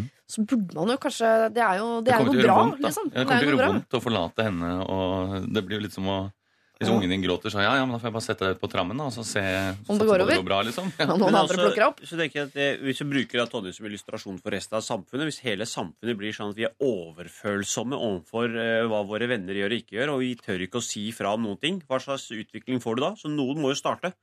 Og det er jo oppfordringen må jo være Hvis du ser et åpenbart problem rett i nabolaget ditt, i ditt egen vennskapskrets, og ikke tør å snakke om det, så er det jo egentlig det det er noe gærent med. Eh, Ikke at man faktisk setter seg ned og sier Og er man gode venner, så vil ikke det båndet ryke. Og det er vil jo anta da at hvis, hvis jeg var som denne venninna, og var den som lagde det Jeg hadde bare satt pris på at en god, veldig god kompis av meg faktisk sa det til meg ærlig, så jeg fikk muligheten til å endre atferd, enn at ikke engang mine nærmeste gjorde meg oppmerksom på det. Da bare fortsatte jeg egentlig å være kvalm. Men du sa i stad at hun burde si fra på en sånn hyggelig måte Du er min gode venn, bla bla bla Ja. Er det er, er andre måter man kan si fra på, Janne? Jeg har jo fått den beskjeden en gang, jeg, da. det var det, ja ja. Det var ydmykende. Det var eh, Kristin Skogheim faktisk som sa at uh, det er ikke så veldig gøy, Anne. Uh, og så sa hun uh, ikke drikk sprit før tolv. På formiddagen, eller? På, på kvelden? på formiddagen. Hun sa det er, det er ikke noe gøy. Slutt med det. Og så ble jeg veldig sur, så tenkte jeg sånn streiting. Eh, og så var det en til som sa det, og da tenkte jeg sånn nå må jeg få noen nye venner. men, eh, men i dag går det bra. Nå går det bra med meg. Nei, men jeg er enig med deg. Altså, man må, Men hadde de et poeng? de hadde et poeng. Men Ja. sant, det er det man kanskje ikke skjønner Ja, man veit ikke om det, da. Altså, Man skjønner jo ikke at det ikke er gøy. Tenker bare sånn Det Er det ikke derfor vi drikker og uh, liksom At det er eh, Bare ikke skjønner hvor kjedelig det er for de andre når, du, når man liksom ikke får kontakt. Det jeg tenker tilbake på, er veldig flaut. Altså, det her er jo lenge siden. Jeg var jo kanskje Ja, altså, det var jo tidlig i livet. Åtte-ni år. Så det, det så har det jo gått bra med meg. Så det er ikke noe som har, er ikke noe som har vært et problem nå i det siste. da Men kanskje hun burde få hjelp av en annen venninne da, som også har sett det her? At det kan i hvert fall hjelpe å backe opp eh, det inntrykket, og så må man ikke stå alene om å si fra? Ja, for jeg hører nå, Du sier jo, Jan, at du rett og slett Du blei jo sur når venninnen din sa fra, selv om hun hadde rett. Ikke sant? Ja. Og det, så det tror jeg nok Tonje eh, skal være forberedt på. At venninnen din, når du tar opp dette, her, uansett hvordan du tar det opp, kommer til å bli litt sur. Og det er jo fordi det er flaut. Og hva gjør man når noe er flaut? Jo, man tar klørne rett ut, går til angrep på den som har gjort situasjonen eh, sånn at du må være flau. Men så går man hjem, tenker seg om, eh, Ja. skjerper seg litt, og så Ja. går det over. Men en sånn Ja. liten runde med sur må man være forberedt på. Jeg har ett lite forslag, fordi jeg vet at Eh, kollega i P13, Tore Sagen, kjørte scooter helt til han så seg selv i et butikkvindu og tenkte det der ser ikke bra ut. Solgte scooteren. Jeg spilte basket helt til vi ble filmet på basketkamp. Så på og tenkte det der ser ikke bra ut. Sluttet med basket. Skulle man ha filmet hun venninnen? Jeg tenkte på det. Ja. Jeg hadde kanskje gjort det. ja, for da kan Tonje si sånn du oppfører deg ufysisk. Sånn, Herregud, skjerp deg, du har streiting. Og så spiller man film. Snurr film. Se her. Eller bare viser henne filmen. Ja, ja, ja, si men- noen ting. Bare du, jeg har eh, noe du må se på. Sender det til henne på Heitra. Sånn, eh, kan du sende hele filmen på Snap? Det går kanskje ikke, det. Kan ta ti sekunder. det er bare 10 sekunder. Ja, det er litt, kanskje litt Sende kort. det inn til Men- American Funniest Home Videos. Legg det ut på YouTube. Legg, legg det på YouTube og send den linken. Men vil ikke det nesten være enda mer ydmykende for venninnen? Jo, men Jeg det er tenker mer at det kanskje er steg to. Jeg, da. Ja. Hvis, hvis det Det ikke funker Ja. med samtalen, så kan man liksom Ha den i Ok, ja, ja, men eh, nei, sorry. Vi drar på byen, og så skjenker du den full. Og så filmer du og sier Se her! Ha-ha! I told you Du er ufyselig! Man trenger jo ikke si at det altså Man trenger ikke å selge det inn som noe oppdrag. Det. Man kan bare si sånn Herregud, altså. I går tok det helt av. Jeg, jeg, jeg, jeg, filma deg. Jeg liksom Late som det er gøy. Ha-ha, se her, liksom. Helt Men da vil du kanskje bli akseptert som bare en morsom atferd. Mer enn en sånn Du er jævlig slitsom å være med når du, eh, når du liksom skal danse på bordet på McDonald's klokka to. Men da må man ha den da må det, det er sant, må man tenke på det på forhånd. Så først så legger man se her, da, herregud, nå var det noen som ble drita i går. Og så viser man filmen, og så sier hun sånn Ja, det er kjempegøy. Og da må man legge ansiktet i helt sånn alvorlig mine, og så sier sånn Ingen syns det er morsomt. Å, herregud, det er psykisk terror. Så det er, man blir redd. Altså at det er så psyko. Altså, da hadde jeg begynt å drikke. Abid hadde begynt å drikke det. Sprit rett fra kua. Altså, det der er ikke bra. Ja, Oi, oi, film. Filmideen er egentlig ganske god, men jeg ville ha gjort det samtidig. Altså At du først forteller, tar den eh, alvorlige praten, og Mm. så, hvis den andre ikke skjønner det i det hele tatt, Mm. så sier du 'Jeg har en eh, videosnutt fra i går eller forrige og så bare vise den. En liten plan B, rett og slett. Ja, Mm. Så se, se på den. Eh. Mm. Hvis jeg bryr meg om, jeg bryr meg om deg, men, eh, så er det derfor jeg tar det opp. Vi går for en tostegsmodell på dette, dere. Vi starter steg én med Abid sitt råd. Pakk det inn. Jeg er glad i deg, du er en god venninne av meg, men uh, dette er et problem. Altså, Dere er nødt til å snakke om det, Tonje, og som er forberedt på at hun blir litt sur. Er det stemning for det, så drar du fram en film, eller så blir det da eventuelt steg to, dersom din venninne ikke tror på deg i uh, dette. Lørdagsrådet med Siri Kristiansen. På P3. P3. Det var på tide at noen blåste liv i den eh, låta der. Sex heter den. Cheat Code sammen med Criss Cross Amsterdam. Eh, Jeg er veldig glad i eh, originalversjonen av denne låta, men jeg ble glad av å høre denne versjonen også, altså 2016. Hva gliser du av, Christian Mikkelsen? Jeg satt i helt egne tanker. Nå så Eh, som du tenkte Han er for ung til å ha hørt en ja. originalversjon. Det er det Det du. akkurat det smilet så sånn hø på gamletanta. Nå mimrer hun tilbake til 70-tallet. Er ikke favorittartisten din Britney Spears? Jeg er veldig glad i Britney Spears, ja. Hva er favorittsangen? Av Britney. Yeah. Uh, I'm a slave for you. Oh. I'm a slave for you. så er jeg veldig, veldig Hun har på uh, denim, er denimbukser med rosa truse etterpå, og så danser de i en slags sånn gruppesexformasjon i et parkeringshus. Altså, hallo! Det blir ikke bedre enn det, da. Perfekt lørdag, for å si det sånn. Altså, det er en standard lørdag i Son, som vi pleier å se. Ok, dere. Vi skal til uh, William, som har et um, Kort og konsist eh, lite problem i livet sitt, men det er også eh, ganske stort. Hei, Lørdagsrådet. Jeg er en gutt på 21 år som går på høyskole i Sørøst-Norge. Jeg går sammen med en del kompiser, og vi har det helt topp. Problemet mitt er at alle gutta studerer på fulltid, mens jeg har to ekstra jobber ved siden av studiene. Det betyr at jeg jobber hver helg mens de har det gøy. Allikevel får de tid til å fokusere på skole i ukedagene og holde seg à jour med skolearbeid. Jeg får dermed aldri tid til å nyte studietilværelsen fordi jeg må jobbe i helgene og sliter med skolearbeidet i ukedagene. Bør jeg slutte med ekstrajobben og leve på studielån, som alle andre gutter, eller alle de andre gutta, eller skal jeg fortsette dette kjedelige livet? Jeg trenger deres råd. Jeg kan også legge til at vi er opptatt av å gjøre det best mulig på skolen, og har interne konkurranser om hvem som får best karakterer. Jeg håper på gode råd. På forhånd takk, William. Eh, jeg ser at du har lyst til å si noe her, eh, Abid eh, Raja. For det her kommer du sikkert med et eller annet sånn politisk budskap. Nei, jeg veit ikke. Altså, ja, altså, ja, det kunne jeg gjort. Ikke? På at Ja. Du må øke altså, studiestøtta osv. Men jeg skal ikke dra den, for det blir litt sånn, da blir det sånn politisk debatt. Men jeg, jeg kjenner meg jo igjen i dette. Jeg hadde jo en del jobber ved siden av studiene. Men samtidig, det å liksom å, man må jo også ha det gøy på studietida. Ja. Eh, og hvis du Jeg tror de aller fleste som, som har liksom studert, ser tilbake på studietida eller også, som mimrer og sier at det var den beste tida. Ja, ja. Og det er fordi at du, du er litt, litt sånn ansvarsfri. Du kan sove lenge hvis du vil, og du kan dra på den festen hvis du vil. Og du, du kan liksom, og så skal du rekke å lese også. Du, du skal liksom gjøre begge deler. Sånn, work hard, play hard. Du skal, du skal på en måte. Det er en del av greia.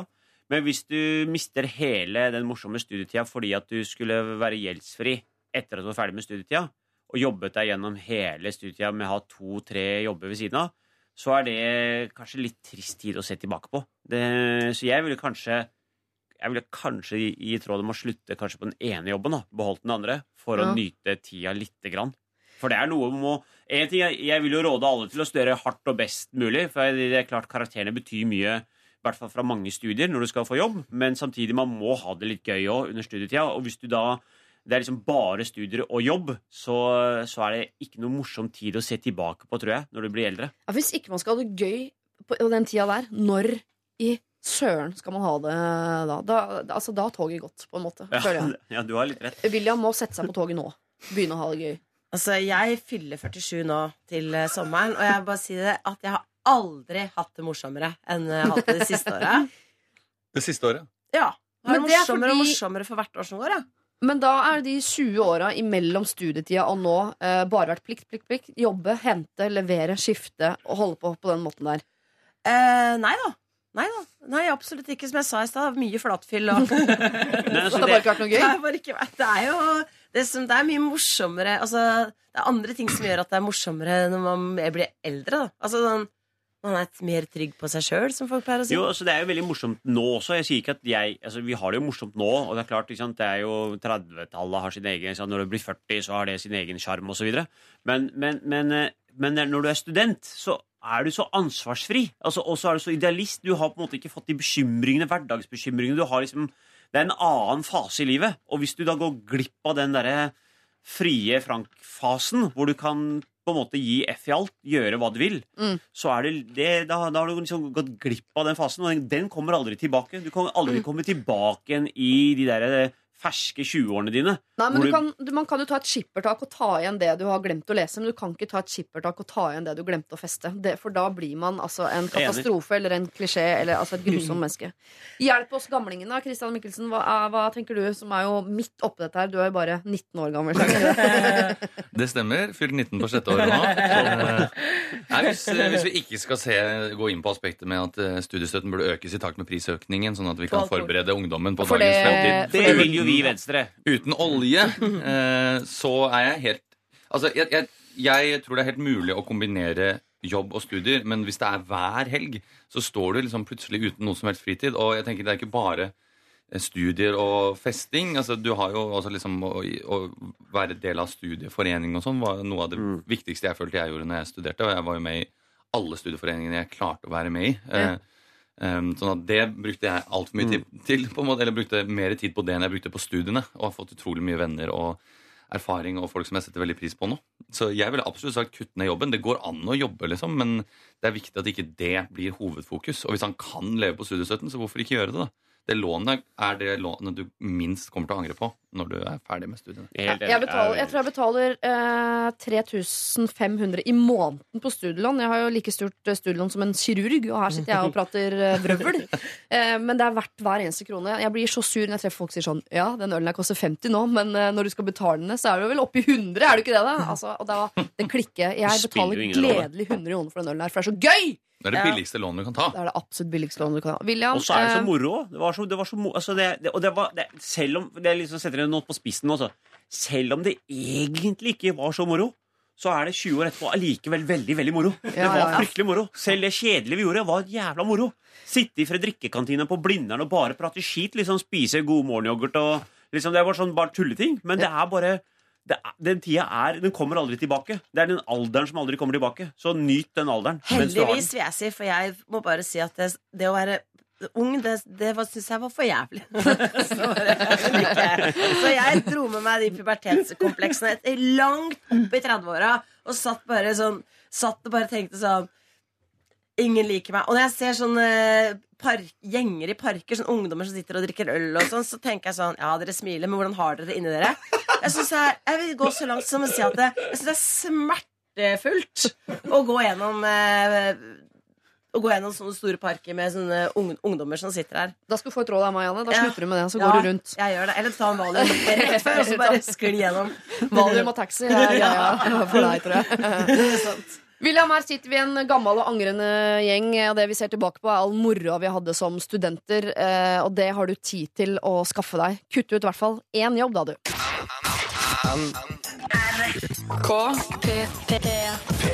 P3. De som kakler og skravler og koser og ler i bakgrunnen her, er jo eh, dagens eh, rådgivere. Eh, Janne Rønningen, Christian Mikkelsen og Abid Q. Raja. Ja, vi diskuterte noe veldig viktig her, og det Hva da? er at vi skal, flere av oss skal grille i dag. Og det var spørsmålet kan vi gå i eh, barings, og det ble vi enige om. Det kan vi ikke gjøre. Grillings i barings blir ikke men noe kan i du, dag. gå i, eh, kan du gå i singlet? Og da mener jeg nei. Hun sa nei, og sa jeg har veldig mange kule basketsingletter, og jeg kommer til å gå i min Shack Attack-trøye i dag. Og Og det grille. er dumt av Shack deg. Attack. Det er en veldig kul trøye. Det har jeg så er problemer med å se for meg, Abid. Det beklager Jeg, men jeg. jeg har spilt basket da jeg var yngre, så jeg spilte mye streetbasket. Jeg, jeg kan tåle å bli filma på det. Hang du i Bjølsen, eh, på eh, Bjølsen i skolegården Ja, og ja. spilte basket sammen med meg? Har vi spilt en og nei, sammen, for eksempel? Nei, ikke på Bjølsen, for da gikk jeg og hang med David Toska på sjakklaget. Du gjorde det, ja. du gjorde det. Men gikk du eh, samme kule som David Toska? Jepp. Ja, Vi var på samme sjakklag. Ja, det ikke tuller ikke med det. Han var eh, Derfor han var- liker sjakkattack? Er det derfor det er din Nei, favorittbasketspiller? så, eh, nei, det er det ikke. Men Jeg syns ikke forresten at det er noe argument at du skal bruke eh, basketsinglet fordi du har spilt basket. Det er liksom, du kan Nei, ikke det sånn, gå på men- fest med knebeskyttere. da, fordi du har Poenget spilt var at det, hvis du skal først bruke The Barings er harry, men du kan gå i singlet, men da må det være litt, sånn, litt mer dekkende singlet enn de medisintrøyesingletene, for det er harry. Men en baskettrøye det funker jo bra på sånn barbecue. Gjør det ikke det? Jo, at du Jeg tror skal ha sjakketakk-singlet i dag på Hvis jeg gjør det så skal jeg legge ut en selfie. Eh, Hvis jeg, hvis jeg gjør det. Jeg er ikke sikker, jeg er ikke sikker kona kommer til å like det. Hun kommer til å si 'gå og ta på deg en vanlig trøye'. Straffa er at Janne Rønningen dukker opp med knebeskyttere. Så- Og hjelm! Og hjelm! Ja, det blir så fint for dere. Ok, Dere har åpenbart problemer, og til deg som hører på, hvis du har det, så send det for all del inn til oss på mail. Eller alfakrøll.nrk.no. Vi sitter her fram til klokken tolv. Eh, Så skal vi ut altså i sola, ta på oss uh, singletter og knebeskyttere og det som sola krever. Men nå, dere, vi skal over til noe som er muligens kriminelt. Hei, så Det er veldig gøy at du nevner David Oskar. Hei, kloke mennesker i Lørdagsrådet. Jeg er muligens med på noe kriminelt, og jeg er engstelig. Jeg er student og bor sammen med en venninne i en hybel vi leier av et eldre par. La oss kalle dem herr og fru Hansen. Dette paret bor i en annen del av huset. Eh, Det bor også en annen eldre mann her, pluss tre asiatere som ikke snakker norsk i en annen etasje. Vi er altså minst seks personer som leier av herr og fru Hansen. Da min venninne og jeg fikk kontrakt i postkassen, sto det at de gjerne vil ha all betaling av husleie kontant. Noe vi tenkte var litt merkelig, da den er på 12 000 i måneden. Oi. Dette paret bor i en annen del av huset, men er sjelden hjemme da begge er pensjonert og de reiser mye. Vi prøvde å ta kontakt angående husleia, men de er veldig vanskelig å få tak i. Så vi bodde i denne hybelen i nesten fire måneder før vi fikk møtt herr Hansen. Jeg er langt ifra konfliktsky og sa rett ut at vi kommer ikke til å betale kontant. Det virker upraktisk. Jeg sa at eh, jeg er ikke komfortabel med å ta ut så mye penger i sentrum, reise hjem med de, ha de liggende på hybelen til de en sjelden gang var hjemme. Da svarte herr Hansen at grunnen til at han vil ha kontant betaling er at da sparer han 1,5 millioner kroner i skatt i året. Jeg ble målløs, mildt sagt. Herr Hansen sa at dette hadde fungert helt fint det med andre som har bodd på hybelen tidligere, og han sa det var ikke så farlig når han fikk betalingen, bare det kom før vi flytter. Hvordan kan en, et pensjonert par utføre en sånn handling og snakke så åpent om det? Jeg er opptatt av at ting blir gjort riktig, og at regler blir fulgt, spesielt når det gjelder penger. Jeg jobber eh, og betaler selv skatt, og jeg eh, får som student penger fra Lånekassa. Herr og fru Hansen stjeler jo fra oss og fra staten! Jeg vet ikke hvor lenge han har drevet med dette, men jeg mistenker at det er flere år. Det er altså snakk om mye penger. Er jeg med på noe kriminelt når jeg, når jeg nå vet hva herr og fru Hansen driver med? Jeg syns det er så ekstremt urettferdig. Jeg blir så sint at norske mennesker skal være så uærlige, benytte seg av goder, men ikke bidra til samfunnet. Skal jeg anmelde disse menneskene? Hilsen mulig kriminell 21-åring. Kall meg gjerne Marie. Mm. Mm. Før vi får reglene fra deg, Abid, Mm. la oss slippe løs eh, kanonene. Eh, Janne og Kristian, hva tenker dere her? Jeg tenker at jeg, det, at jeg også hadde syntes det hadde vært ubehagelig. Eh, Men jeg vet ikke om jeg hadde turt å sette ned foten, så jeg hadde nok bare samla alle disse kontantene da i en, i en stor bøtte. En åttelitersbøtte hvor det bare hadde flyt, flytet over av tusenlapper. Men Hva er det du syns er ubehagelig? Å stikke sugerøret ned i velferdssamfunnet, eller å ha kontanter ligge flytende eh, på hybelen? Nei, alt sammen. Alt sammen. ja. Alt sammen. Ja. Og, og, og, og, og måtte vite at han Hvis jeg sier fra til han, så kanskje han bare sier eh, Å ja, men da da henter jeg inn et annet par da, som sikkert er interessert i denne sentrumsnære leiligheten, som gjerne betaler svart. Ja, for det skal legges til her at det er ekstremt vanskelig å finne et sted å bo når man studerer mm. i. Oslo. Så jeg tipper at de nødig vil slippe, denne, slippe tak på denne leiligheten. Man må mm. bo i telt på eh, Og 12 000 er jo ganske eh, grei pris i Oslo. Men har ikke de liksom taket på handa? Altså han, eh, herr og fru Hansen, hvis de har drevet denne kriminelle virksomheten og så få inn svarte penger i årevis, og han sier eh, ja, men da kan jeg bare få inn noen andre, så kan man bare si ja, det må du gjerne gjøre. Så kan jeg da så ring noen, eh, ta Sett ned annonseavisa, så bruker jeg den samme tida til å gå ned på politikammer og anmelde deg. På den annen side så lurer jeg på hva politiet ville sagt. Det hvis du går ned der, og så- Rykker ut woo! Sparker inn døra. jern. Det hadde vært veldig gøy. Ja. Herre Fransen. Det blir 12 000! eh, Vi løper! Ja. Det blir som når det gamle paret blir tatt for å stjele lommebøker i eh, Dirty Dancing. Tenker sånn, yes ass, gamle folk er også grusomme mennesker. Dette er Er P3. Røykes opp sammen med Robin her, altså. The Girl and the, the Robot. Uh, vi befinner oss potensielt i noe kriminelt, og når jeg ber venstrepolitiker Ja. Abid Raja om å si uh, om uh, Marie, 21 år gammel, som bor da hos et eldre ektepar som vil ha husleia kontant, fordi da sparer de så mye i skatt. Om det er ulovlig, så altså, Egentlig spør jeg vel advokaten Abid Ja, Raja nå. det er sånn Juridisk sett så er jeg, jeg, er litt, jeg, jeg tror dette det er litt sånn gråsone, litt usikker. Men jeg tror i utgangspunktet så har du ikke noe Det er ikke noe i veien for å betale eh, kontant. eh, sånn sett fra Marie sitt ståsted. Hun gjør ikke noe kriminelt. For Men hun vet så- jo at ja, Nå tenker jeg at Marie er min klient, så tenker jeg at eh, hun gjør ikke noe kriminelt for å betale, betale kontant. Nei. Eh, og og dette det, kommer ikke inn under sånn anmeldeplikt, avvergerplikt, meldeplikt osv. Som det er hvis du f.eks. vet at det pågår barneovergrep. da eller, eller at det er eh, vold osv., så, videre, så kan du ha plikt til å si fra til politiet. Mm. I dette tilfellet så har du egentlig ikke noe Så vidt jeg kan komme på i farta, jeg tror ikke du har noe anmelderplikt. Du har ikke plikt til å si fra. Nei. Men hvis du klart sier fra til politiet, så vil jeg anta at politiet ikke kommer til å bry seg eh, tøddel med dette. Dette er mer sånn skattemyndigheter som vil bry seg med.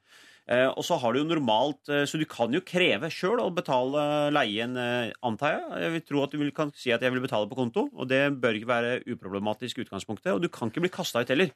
For det å si at Jeg skjønner at det er veldig lett å miste Man er redd for å miste leiekontrakten, men, men som husleier, så lenge du har en kontrakt og det bør det jo Marie ha, så har du ganske sterke rettigheter. Særlig når kontrakten er tidsubegrenset. Det vil si at da skal det veldig mye til for å bli kasta ut. Eh, altså ekstremt mye. Så re- rettighetene til leietakeren er veldig sterk i Norge. Så hun kan faktisk, forutsatt nå at hun har en tidsubegrenset leie, og hvis det ikke står noe i kontrakten om det, så er den i prinsippet tidsubegrenset. Det vil si at eh, hun kan sette seg og si 'jeg vil kun betale på konto'. Og i utgangspunktet er det ikke hennes plikt til å innberette dette til skattemyndighetene. Det er egentlig eh, fru og herr Hansen sin plikt. Ja. Eh, Så hun har ikke noe sånn Hun gjør ikke noe ulovlig nå. hun, Hun jeg føler ikke at hun gjør noe ulovlig. I utgangspunktet så føler jeg ikke at hun eh, gjør noe ulovlig, med mindre jeg har oversett en eller annen finurlig juridisk finesse her. Men Eh, Marie har jo et veldig uh, fint kompass, syns jeg. For det, hun Jo, det har hun sliter jo med det at hun uh, snylter på Og da, velferdssamfunnet. Og, det er jo, og da burde hun egentlig skriftliggjøre det for dem. At jeg vil betale, jeg vil betale over konto. Ja. Og ellers så kan hun også si at eh, jeg kan fortsette å betale kontant, men jeg vil ha en kvittering. En håndskrevet eller en, en eller annen type kvittering på at jeg ble betalt, og jeg vil årlig innberette dette til skattemyndighetene.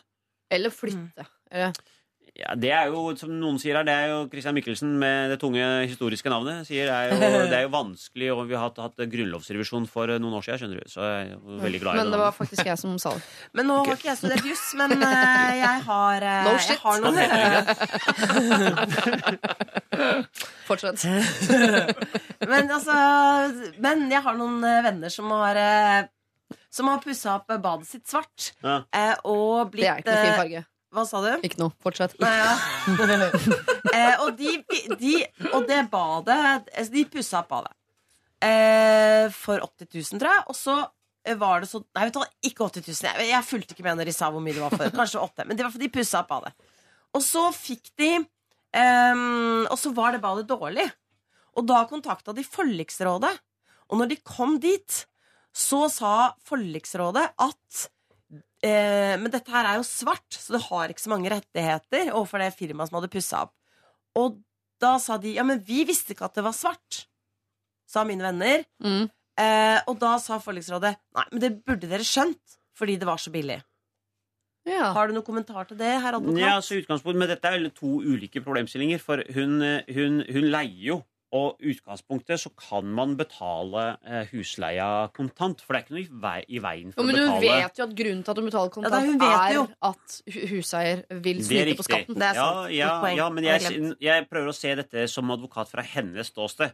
Og da tenker jeg hun strengt tatt, så vidt jeg kan skjønne, gjør ikke hun noe ulovlig.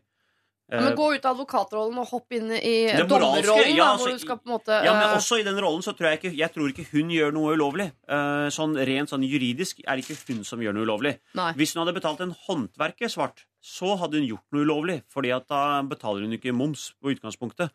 Det ville vært noe annet. Eh, I dette tilfellet hvor hun betaler husleie, så, så, så gjør hun strengt tatt ikke noe ulovlig. Men så kan man snakke om det etiske og moralske, og det er der hun føler at hun har et ansvar. At hun føler at hun ikke vil bidra til at eh, fru Hansen ikke betaler skatt av disse pengene. ja. Men sett fra hennes juridiske ståsted så tror jeg hun er på, eh, på det, Hun har sitt på det tørre. Men la oss legge loven til side. Det gjør jeg ofte eh, eh, sånn privat. Jeg ville sett på dette her Jeg har jo ikke det samme moralske kompasset som Marie, som så innmari føler at man har et sugerør ned i statskassa osv. Så jeg ville tenkt sånn Her har vi muligheten til å eh, slippe jævlig billig unna. Fordi han sier ja, det, eh, jeg vil ha det kontant, trenger ikke å få det før dere flytter ut. Nei vel, sier du. ok. Da betaler jeg ingenting før jeg flytter ut, og så flytter jeg ut. Og da kan du i hvert fall se så jævlig langt etter de pengene. De får du aldri. Så jeg har sett her skal jeg bo ganske lenge, helt gratis. For hvordan han, hus, altså de som leier herre fru Hansen skal de jakte på de pengene, de kontantpengene, en bunke, en koffert med hundrelapper i etterkant? Nei, det tror jeg ikke. Jeg ville bodd der så lenge som mulig, gratis, gått videre i livet. Ja, det kan du si, men det ville vært veldig uetisk av henne. Ville jo hun antagelig, denne Marie som er opptatt av dette, ville jo føle at det Ja, ville være det. veldig feil å gjøre. Ja. Men ok, eh, sett at hun hadde gjort det, så kunne hun risikere at eh, Hansen kom og saksøkte henne for å få de pengene. Og så ville han heller innberetta de pengene og betalt skatt av det istedenfor. Så det er ikke sånn at hun blir eh, hun kommer seg ikke juridisk fri. Det gjør hun ikke ved å ikke betale. Pluss at det er så det moralske da, som er litt, litt komplisert da, å forholde seg til. For da gjør hun jo sjøl altså, noe som er minst like ille som det han skal gjøre. Jeg bare ser for meg dette her som starten på en veldig spennende kriminalfilm. jeg. Ja. Altså, sånn, eh, det heter ikke, kanskje ikke kriminalfilm, men altså, Hvordan jeg bedro husleien. Ja, altså, sånn der, høk over høk, hvem lurer hvem? Altså sånn, han ene skal, De ene skal snyte på skatten, og den andre skal prøve å bestemme seg da eh, for dette vil jeg ikke være med på. Eh, Og så er det de tre asiaterne som ikke snakker norsk oppe i andre sant? etasje. Og så viste det seg at her har folk kontakter. Det vi ikke visste, var at herr og fru Hansen De var eh, foreldrene til Altså eh, Altså, noen veldig nære venner av David. Toska. Ja. Og jeg kom en sånn skikkelig bra Hollywood-film med hun Ja. Jennifer Hva heter Jennifer Aniston Nei, hva er hun her Friends-dama? Jennifer Aniston. Ja, hun og en annen som flytter inn i sånn leilighet, og så leier de sånn, eh, sånn toetasjes greie hvor en gammel dame bor. Ja. Etasjen over. Hvem skal spille den gamle dama? Nei, Husker du filmen? Nei, gjør ikke det. Okay. Det er sånn det komedie hvor de, ja, det er sånn film hvor de flytter inn, ja. og så bor det en sånn gammel dame over som er helt jævlig å ha med å gjøre. Og så bor de i sånn toetasjes greie i New York. Jeg, jeg har ikke sett den filmen. Det er jo kjempemorsom. Ja, jeg pleier ikke å se Jennifer Aniston-filmer. Men kan jeg skyte inn en ting? Ja. Bare sånn på tampen. At jeg, jeg, jeg ble liksom bekymra for Jo, jeg sier at du, du sier at hun har alt på det rette og sånn, eh, Abid. Jeg bare tenker, hvis, han er litt, hvis det paret er litt shady, da, et shady gammelt par Det er det. jeg, Før jeg satte hardt mot hardt, så ville jeg tatt med meg den kontrakten til en Jussbuss eller et eller annet eh, eh, lov, eller sånn gratistilbud for studenter, og bare sjekka det. Eh, og sjekka at den kontrakten holdt vann, sånn at de kunne sende den meldingen og si det her gidder jeg ikke, de pengene skal inn på konto. Eh, fordi jeg vil innberette dette her. Fordi hvis du plutselig sitter der, og så sier han Men den kontrakten er jo jeg skrevet med fargetusj, og det er bare tull. Eh, så står du der plutselig da Du får hovedrollen i denne filmen for øvrig. Oh, ja, ja. Tusen god. Jeg heter Hans Morten Hansen, og jeg eier dette leilighetskomplekset. Huske, altså, de, som, de som leier eh, leilighet, de, de, altså, de har gans, det, er, det er veldig sterkt vern for å bli kasta ut. Så uberettiget eh, altså, grunnlag for å bli kasta ut, det skal man være Det, det blir det ikke. Jeg har klart, ja. Jeg har klart å kaste ut en fyr eh, som leide min eh, leilighet. Men jeg ringte faren hans og trua han, da. Så det Såpass. kan han gjøre.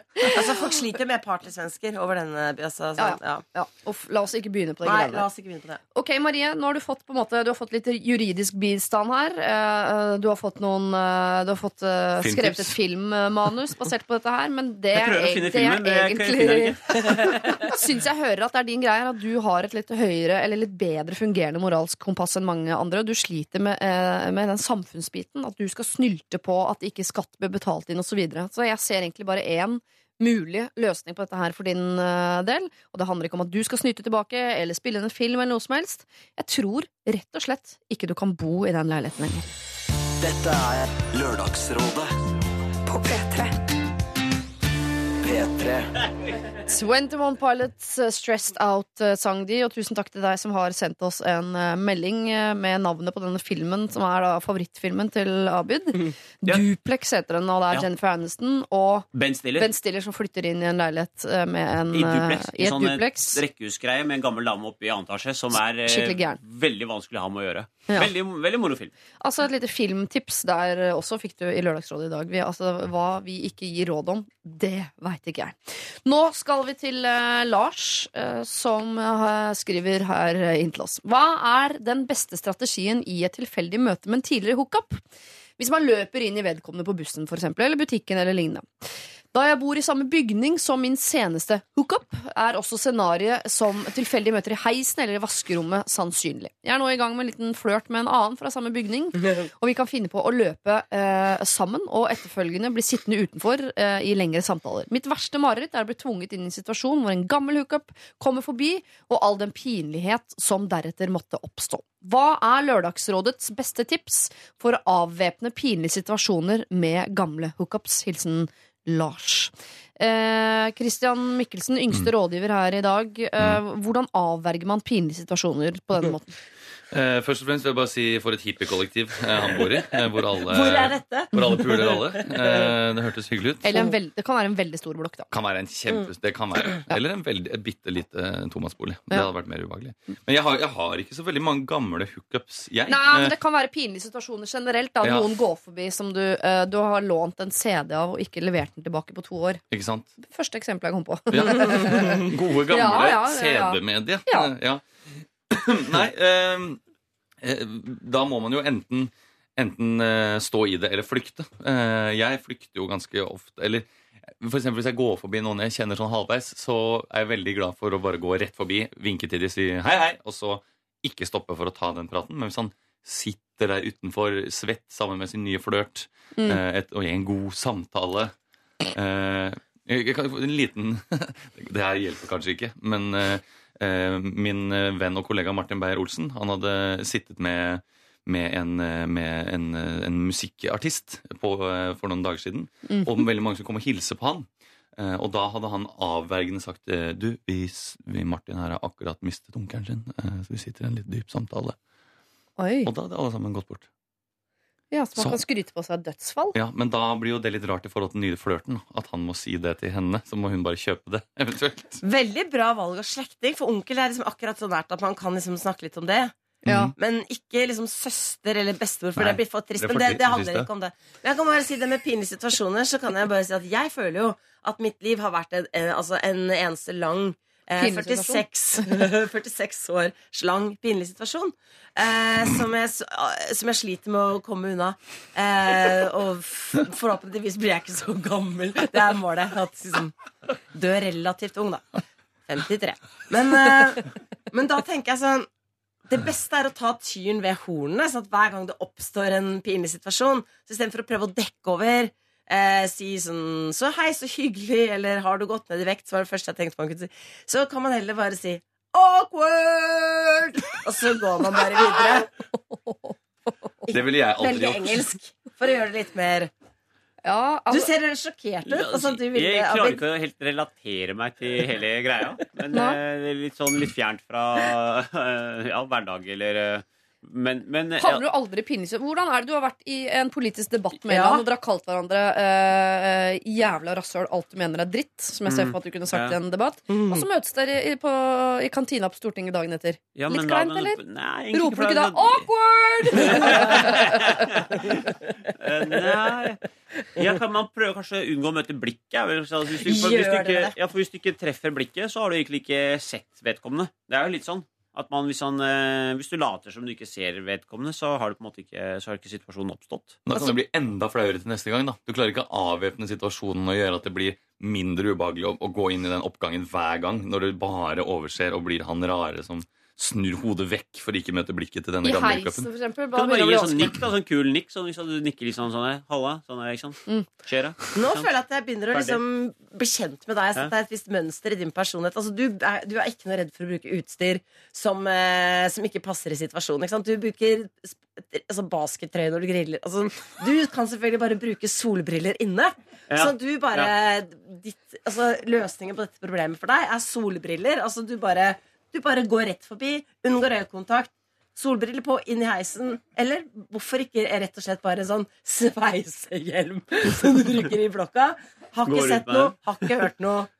Så den dagen vi ser Abid i- på eh, spørretimen på Stortinget med eh, shack attack, eh, singlet og solbriller, da har du- hissa på deg Bård Hoksrud eller et eller annet. Da er det eh, noe som har gått ordentlig gærent. Jeg Men- men hva- jeg, jeg vet ikke, kanskje, kanskje ikke gjøre så mye hookups i, i, i bygningen du bor i, kanskje? Er Don't sånn, shit where you eat, Ja, som det er heter, kanskje, Ja, men det- Særlig ikke hvis du skulle holde på en sånn one night stand. Så Ja, det er for seint Ja, for, for. Lars. Det toget har gått. Men jeg tenker Ja. på det han syns er ubehagelig, kanskje, er jo at han sitter med en ny flørt, ikke sant? eller en ny dame han holder på med. Ja. Så altså, hvis, Han burde jo prøve å holde et normalt forhold til andre mennesker, som ikke bare innebærer å ta på seg solbriller og se andre veien og rope awkward. Eh, Så kanskje han bare kan fortsette å være hyggelig med, hun, eh, med, med de hookupsene, bare så lenge han er tydelig på at nå, nå holder jeg på med hun Men hvis jeg skal ta det litt seriøst, da, så kan jeg jo si at eh, det kan jo hende at det er like pinlig for henne som Skal for han. akkurat til å si det. Så det Takk han for kan dere gjøre, er egentlig bare late som ingenting. For hvis eh, Sett fra hans ståsted, så er det jo kanskje li, minst like pinlig for henne. Og hvis han later som han ikke kjenner henne engang, så, eh, så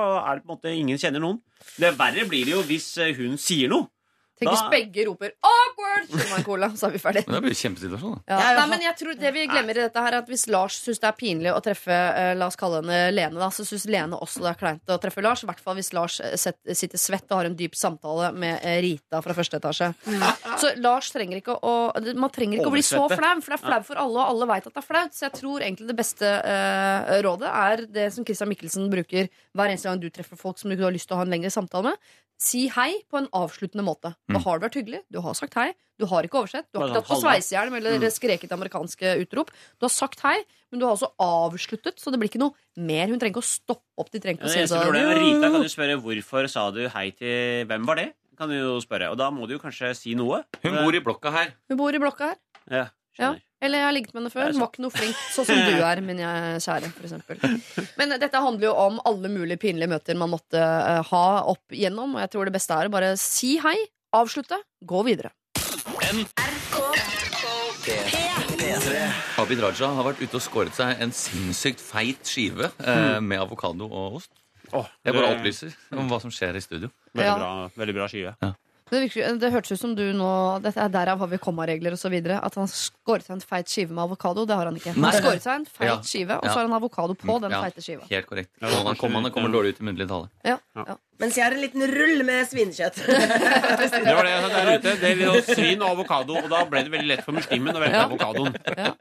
Så, så Janne da døtter opp som en prell under leppa en liten rull med uh, svinekjøtt. Um, dere, uh, jeg har lagt ut et bilde av dere på Facebook-siden Trøndelagsrådet. Mm -hmm. Dere er veldig fine alle sammen. Oi, Har vi fått likes? Oi! Hey, hey. se der. Sånn ser vi altså ut. På sminkefri dag. Ja, Vi feirer jo den internasjonale sminkefrie dagen i dag, både Janne og jeg. Å ja, er det sminkefri i dag? Eh, Vi tar det i dag, ja. Det er det i dag. Holmenkollstafett i dag, vet du. Så Hæ? man blir veldig sminkefri.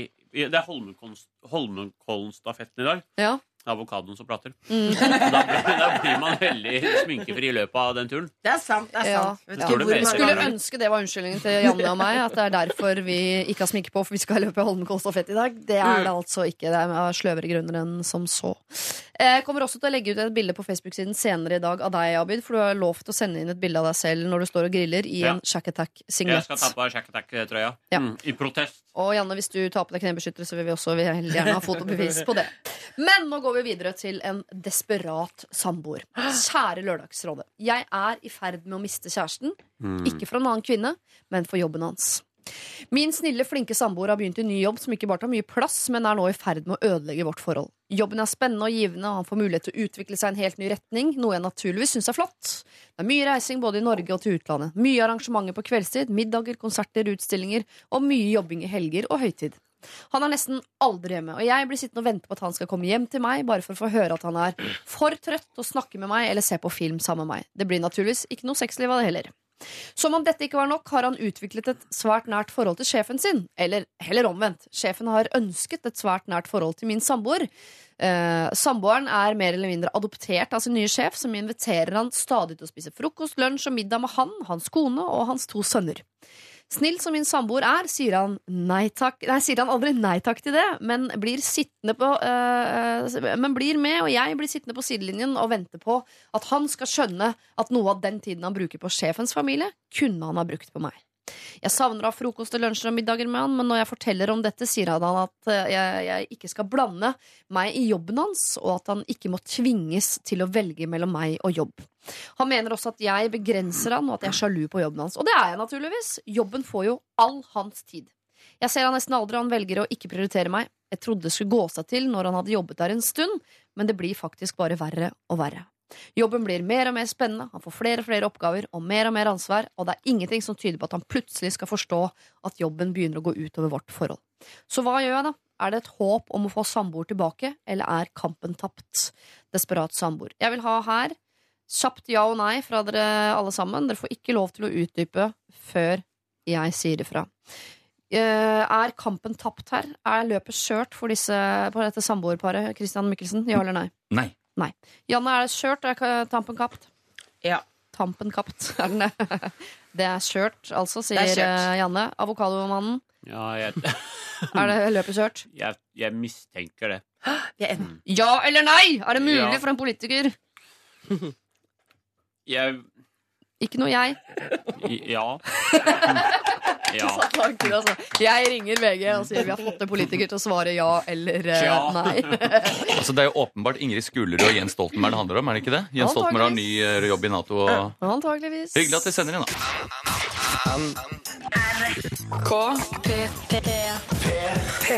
En av eh, våre mer eller mindre faste rådgivere, dette altså Daniel Kvammen, som jo er mer kjent antageligvis for sin musikkarriere. Du fortjener en som meg, sang han altså her. I dag er han ikke her. Det er derimot eh, venstrepolitiker, tidligere advokat Abid Q. Raja. Yep. Eh, Komiker og også lærer i design og hva var det igjen? Spesialpedagog. Spesialpedagog i design. Nei. Eh, Janne Rønningen. Jeg må fucke det opp litt. Ja, det er klart det. er. Det er vanskelig med lange titler. Ja, det er det.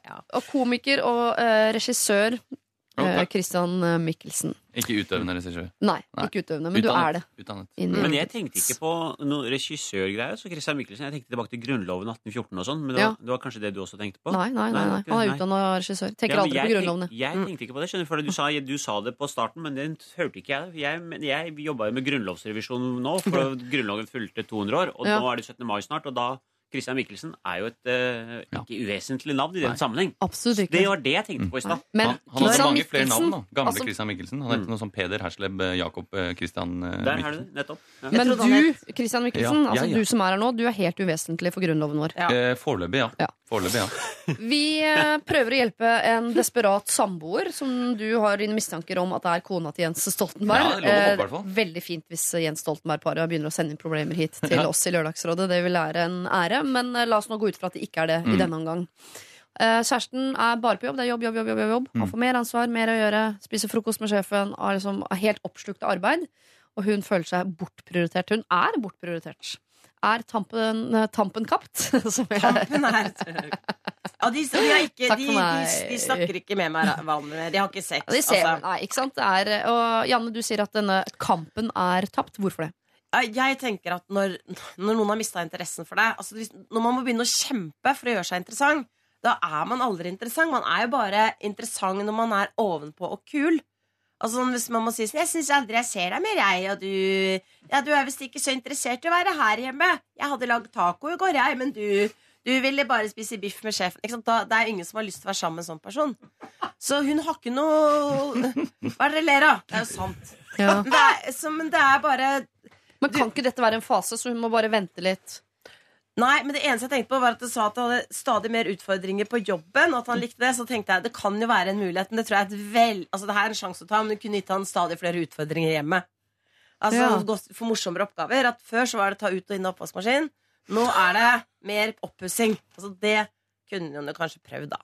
Ja, og gjør Gjør det, det mer interessant å være hjemme. Krevende oppgave, hvor han opplevde mestring. ja. Eller gjør det verre å være hjemme, høres det ut som i mine ører.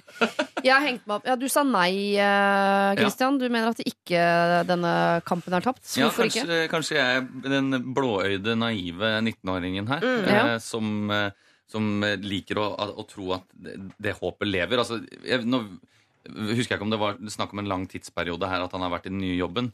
Men eh, Han har vært der lenge nok til at han har skjønt at det er ikke bare i starten dette er et problem. Sånn kommer det til å være, og det kan til og med bli verre. Og hun har det da tydeligvis ikke noe Klarer ikke å og Hun blir veldig utenfor i dette, dette forholdet når, hun, når han er på jobb, og de sitter og Det er jo veldig nært forhold. da De sitter og spiser frokost med sjefen og, og så videre. Det, høres ut som en amerikansk film, synes jeg, Ja, når de ja, inviterer med the trainees home to Ja. dinner og det greiene der. Men selv om hun sier at liksom, de har snakket om det og, altså, jeg tror Hun ville jo ikke sendt inn og spurt om å få råd hvis ikke hun trodde at det fortsatt var håp. Og hvis, hvis, hvis det hadde vært helt ferdig, og han hadde sagt nei, da hadde jo han sagt eh, jeg vil ikke være sammen med deg hvis du skal mase så jævlig om at jeg er på jobben hele tiden. Og eh, det det må da gå an å prøve Hvis det er fortsatt håp, så vil jo han kanskje kutte noen av de frokostene med sjefen, og så heller prioritere det når det er viktig for han. da. Før du får lov til å utdype ja. ditt ja, eh, Abid, så skal jeg bare lufte en teori med deg, Christian. Mm. At du, grunnen til at du har et større håp her enn resten, Mm. er fordi du kjenner deg inn i han som jobber så mye mens kona er hjemme. Men det du gjør, som er smart, eh, som også jeg legger til i den teorien, du tar med deg den nydelige kjæresten din, eksempel på Komiprisen, så hun får være med deg i din karrierestigning. Er det en mulighet, lufter jeg nå? Kan hun bli med uh, og bli en del av sjefen hans sin uh, lille familie? Hun kan være med på disse lunsjene, være med på noen av disse konsertene og alt det de gjør. Men bor ikke kona di, kjæresten din i Tsjekkia? Nei, hun har gjort det. Hun har gjort det, Men det stemmer nok litt at jeg, at jeg Det er derfor du håper at det er Jeg har jobbet veldig mye i det siste, og Ja. vært bekymra for det selv. Og også snakket med min kjæreste om det. at jeg har jobbet veldig mye Du kunne ikke svart nei på dette, du. jeg, Da hadde jeg vært, hadde en veldig dystopisk framtid i møte. Så nei, jo, jeg prøver jo å ta med min kjæreste, og hun blir kjent med mine kolleger og venner, og, og så måtte håper at hun ikke føler seg utenfor, da, hvis Ja. hun blir med på sånne jobbting. Veldig, veldig veldig viktig. Jeg sier til alle dere arbeidsgivere som hører på nå, hør på meg. Julebord, den slags. Ta med kona. Vet du hva? Følge. Det må være med. Følge, følge, følge. følge med, med, med, følge, følge. Abid, nå skal du få utdype din Ja, eh, altså jeg, jeg har litt mer sånn uh, komplisert forhold til akkurat det. Jeg, for jeg føler at jeg har vært en sånn en, altså som han mannen. Uh, for jeg, jeg var advokat, Ja. så er det jo sånn at man i, Utenom de frokostene, for det høres veldig kleint ut. Altså dra hjem til folk på de frokost flere ganger. Det, er- det, er veldig- Det høres svingersaktig ut, Ja. altså. Ja. Men, men, men altså jobbinga og mye. Og da kona mi sa jo fra og sa dette funker ikke på den måten. Men for meg så var det også liksom en åpenbaring, for jeg så han minste gutten. Eller jeg har tre barn, altså han, han, var, han hadde begynt å krabbe. Uh, og det husker jeg sånn, så ser jeg på den, så bare sier jeg Og når er det han begynte å krabbe?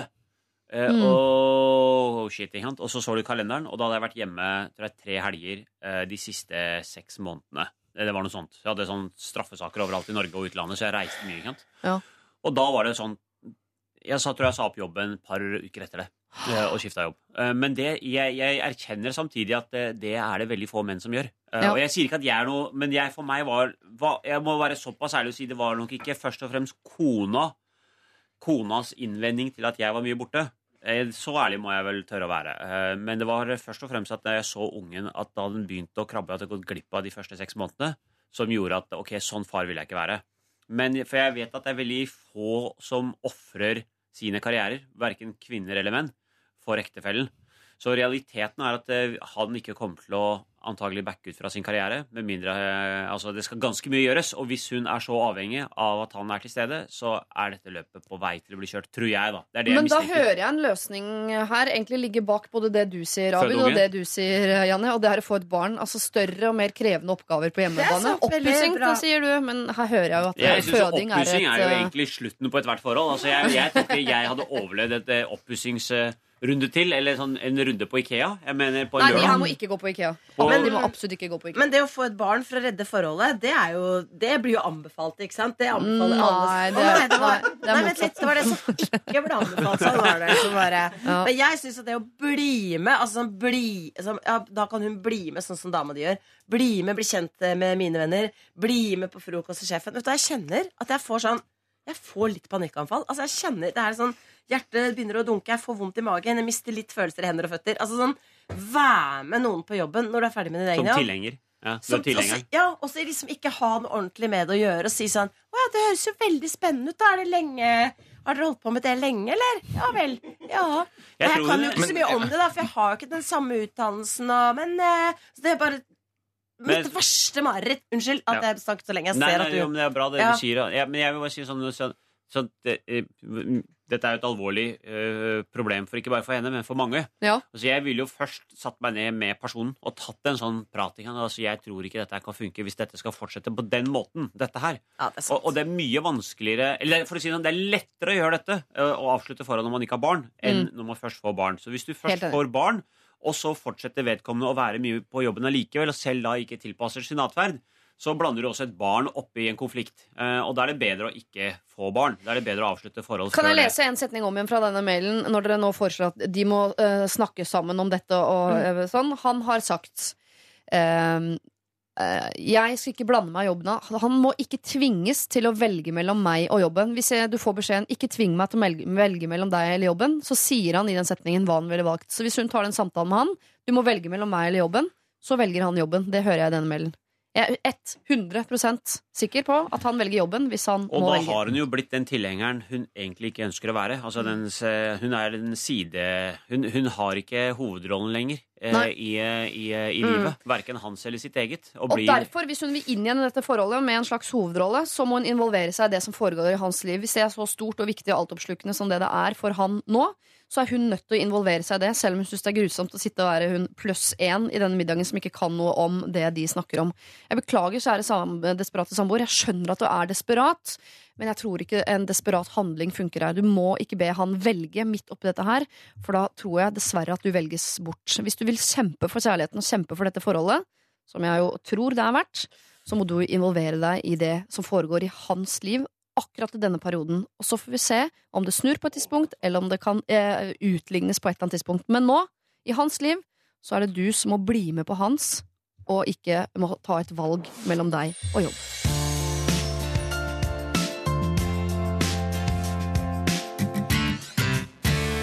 Andre runde med Coldplay i dag, men denne gangen var de altså helt alene om låta 'Adventure of a Lifetime', som eh, venstrepolitiker Abid Kuraja nå har informert oss om at har en uh, artig eh, musikkvideo til, hvor de har kledd seg ut i sjimpansekostymer og, og danser altså til denne låta. Og Ja, det altså- gjorde at du fikk lyst til å danse, danse. med? Ja, det er ikke for at jeg er sjimpanse, men uh, selv om jeg er brun. Men Takk for at du plasserte meg rasist. Ja, det er mange apekattvitser om oss innvandrere, så jeg kan Ja. ikke gjøre noe med det. Men, jeg har sånn spinningsykkel i kjelleren, og for å holde motivasjonen oppe gjennom vinteren, så installerte jeg sånn liten TV, og da har jeg sett på masse av disse musikkvideoene. Så Ja. når jeg hører sangene nå, så, så visualiserer jeg på en måte musikkvideoene. Men sykle i kjelleren, det gjør du fordi du er pakistaner, ikke sant? Har så mye I fordommer på det. rett etter jeg er ferdig her, skal jeg i Barka. Rett etter at jeg er ferdig her, skal jeg i Barka. Ja. Opp til radaren. Går da på Haug Haukål, hva heter den? Bare for å provosere, ikke sant? Det er for å provosere. Ja. Fy fader, ass. Ok, Janne Rønningen. Ja. Eh, eh, hvor gammel sa du var? 47 år gammel komiker. ja. Og du har, 46, da. og du har sagt at hele livet ditt har vært som en lang, pinlig affære. Ja, det har det. Eh, og nå har du altså da med deg et eget privatproblem som du vil at vi skal hjelpe deg med. Det har jeg. Ja. Uh, ok, saken er Altså, det er en fyr, da. og som jeg har hatt det litt sånn opplegg med, og nå er jeg kanskje sånn, jeg vet ikke, 63% kjærlighetssorg, da. For at det var kanskje ikke så farlig at det ikke ble noe av, men, men jeg er lei meg likevel. uh, for at det ikke ble noe av. Og så uh, har um, Og så etter at han på en måte dro fra meg, da, så har han sendt et par meldinger Mm. som jeg ikke har svart på. Og det har vært sånn at Han har prøvd liksom, å være hyggelig, og så har han prøvd å starte en krangel. Jeg har liksom ikke svart på noen av de meldingene. da eh, Fordi min venninne Anne Wisløff sier at ja, hvis jeg svarer på de meldingene, så blir det, det, denne sorgprosessen dratt ut. Så jeg må bare være hard, ikke svare på noen ting. Da kommer han til å slutte å sende meldinger, og da går det fortere over. Det er liksom poenget. Så jeg har vært veldig flink til å ikke svare på noen meldinger. Men så er det noe gærent med telefonen min, så jeg får heller ikke alle meldinger. Altså Jeg mottar ikke alle SMS som er sendt. Jeg har faktisk sendt inn opp telefonen min på reparasjon tre ganger. Og hver gang sier de nei, det er ikke noe gærent, så får jeg den tilbake, så er det meldinger jeg ikke har fått. Blant annet nå fikk jeg en melding av en som heter Gina, hvor det står Har du fått meldingen min? Nei, det har jeg ikke fått. Ikke? Så jeg får ikke alle meldinger. Og da jeg våknet i dag tidlig, så peip det telefonen min, den der SMS-lyden. Ja. Så jeg skjønner at jeg har fått en melding. Men jeg vet ikke hvem den meldingen er fra, for kom, den syns ikke på skjermen. Så tenker jeg, er det fra han? Og kan jeg da Her kom problemet. Kan jeg sende SMS og skrive 'Hei, har du sendt en melding til meg i natt?' Eh, I tilfelle, hva sto det i den? Få svar, og så ignorere svaret. Ok, Janne Rønning, du er 47 år gammel i 46. kroppen, eh, men i hodet er du eh, 14. det er veldig Det er så fint å se at vi mennesker aldri kommer oss videre. At vi har de samme Jeg er sånn selv. Har de samme problemene nå som jeg hadde på ungdomsskolen. Og jeg ser at også eh, min mor har også de samme problemene som jeg har nå. Så det er deilig å, å vite at vi går i loop hele livet. Eh, og da virker jo egentlig hele Lørdagsrådet litt meningsløst, men la oss nå likevel prøve å løse det der. Men det kan være en, hvis jeg kan skyte inn, det Ja, kan ja, ja. være en melding fra han. Det kan også være en melding fra de 374 andre kontaktene som du har, som sender deg meldinger. Som kan, Det kan være fra Det er Hvem som sant, så prosentvis Mm. så er det jo veldig liten mulighet. Men hvis man skal tenke Man får jo ikke SMS hele tiden fra de 300. Nei, det gjør man ikke. Det er vel mer tolv Ikke sant? potensielle, så, så det blir sånn ja, Nå er ikke jeg dritgod i matte, men litt mindre 10 sjanse for at det er han.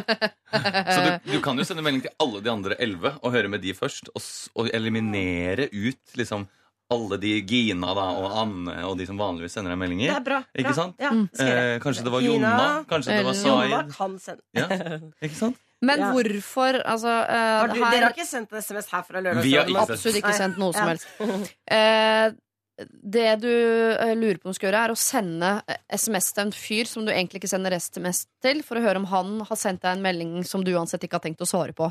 Mm. Så grunnen til det er at du vil, eh, at du vil straffe han, for du veit ikke om den straffen du allerede driver med, fungerer. For du har ikke svart til noe. Om, det er som å ringe på stikka. Du vil, du vil på en måte gjøre straffen tydeligere. Jeg har bare lyst til å vite hva som står i den SMS-en. Altså, jeg er jo, helt, jeg er jo nysgjerrig, nysgjerrig type. Så hadde ikke du hatt en god venninne eh, som Ellen, så ville du ha svart på de forrige SMS-ene for å holde han her på lunk. Anne var det, ja. Kanskje litt eh, bare for å se hva han skrev videre. da, For det er jo, så er det jo koselig å få SMS, da. Men vi, er du interessert i han fyren? Nei, egentlig ikke det. Eller sånn, nei. Du- jeg men du er det er interessert trist, i jeg skjønner at det var en dårlig idé, liksom. Jeg skjønner at det er en dårlig idé. Men du er interessert i å smøre den sorgprosessen utover litt, sånn at den blir litt lenger? Det jeg vil, er at han skal, være, at han skal elske meg, og at jeg ikke skal elske han tilbake. Det er det jeg vil. Ok. Så du vil snu, snu bordet? Jeg vil snu bordet. Ja. Skyt meg for det! Skyt meg for det. Alle er ønsker å snu bordet. Jeg har masse folk jeg skulle ønske at var forelska i meg, som jeg ikke er forelska i, bare fordi jeg vil at de skal elske meg. Ja. Sånn er det jo. Jeg vil bli elsket. Dronningssyndrom heter det. Ja. Hvordan snur man bordet da, Abid?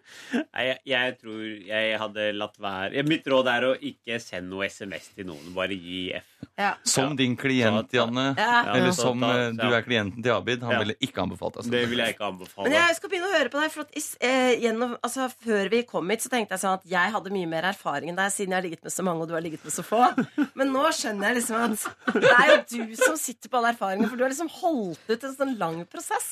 Ja, Kan jeg, vi, kan du og vi ble si, ja. venner på Vi har fått venneforespørsel fra deg nå, Abid. Skal Så jeg, hvis jeg svarer på den, så kan jeg kanskje bare begynne å sende deg SMS. Ja. Ikke SMS, men på Messenger, da, for jeg får ikke, mottar ikke SMS. Så nå midt på natta Abid, så kommer du til å få melding fra Janne hvor det står Hei, jeg har fått et pip. Har du sendt meg melding? Eh, I så fall kommer jeg ikke til å svare på den. Takk for meg. Den Messenger-greia, så den er jeg ikke på. Men jeg ville ikke sendt det. det er, sånn, det er jo selvnedverdigende, egentlig, å sende den SMS-en. Ja, det er Og så- verste er hvis de som svarer Nei, hvorfor i helvete skulle jeg sende Ja, deg. SMS? Da har du på en måte satt deg i minus i Ja, tillegg. Da har du ikke snudd bordet, men du har liksom Tapt. Du har virkelig Ja, da har du havner i bøtta, altså. Ja, det er sant, altså. Du skal få et siste råd her Ja. fra meg før vi går inn i en ny låt. Og det er hvis du skal sende han noen melding på noe som helst tidspunkt for å gjøre det tydeligere det du uh, prøver å oppnå, og som din venninne også prøver å oppnå, uh, nemlig å, å gjøre den sorgprosessen så kort som mulig, så er det det du skal sende på de meldingene. Jeg ønsker ikke å svare på meldingene dine fordi jeg prøver å eh, komme meg ut av en sorgprosess som du har igangsatt. Så vil ikke han da verken kunne bli sint eller fortsette å pushe. Det eneste han vil tenke, er at nå har jeg gjort sånn at du har vondt. Da føler jeg meg dum. Det kan jeg ikke fortsette med. Og så får du ikke flere meldinger fra han, men han sitter et eller annet annet sted i denne byen og føler seg dum fordi du er lei deg. Og smør gjerne på litt. Smør på litt tjukt. Ja, men det funker ikke. Han vil bare føle seg enda viktigere. Ja, ja, kanskje uh, tissen hans uh, blir to centimeter lenger, da, men uh, hjernen hans krymper lite grann. Og det eh, tror jeg bare alle har godt av, på en eller annen måte. Det skjønte Aner nei, det skjønte ikke jeg heller. Men eh, mange fine ord i en setning uten komma. Det, av og til så går folk rett på og tror at det er interessant innhold også i det. Men det er det ikke bestandig. Thomas Dybdahl redder oss eh, her. 'History' heter altså låta. Takk for meg. Dette er Er P3. Eh, dere skal få lov til å dele ut en uh, Lørdagsrådet-kopp til en av uh, våre lyttere som har sendt inn sitt problem og delt det med oss. Så vi har noe å snakke om. Um, jeg skal gå gjennom fra toppen. Eh, vi begynte med eh, Sara, som gjerne ville passe hunden til, en, til Fredrik, som hun har deala med tidligere, til tross for at hun nå har ny eh, kjæreste. Så har vi eh, Tonje, som har en venninne som blir ufordragelig i fylla. Og hun ønsket vel å si fra til henne om det, men lurte på eh, om hun kunne, og i så fall hvordan.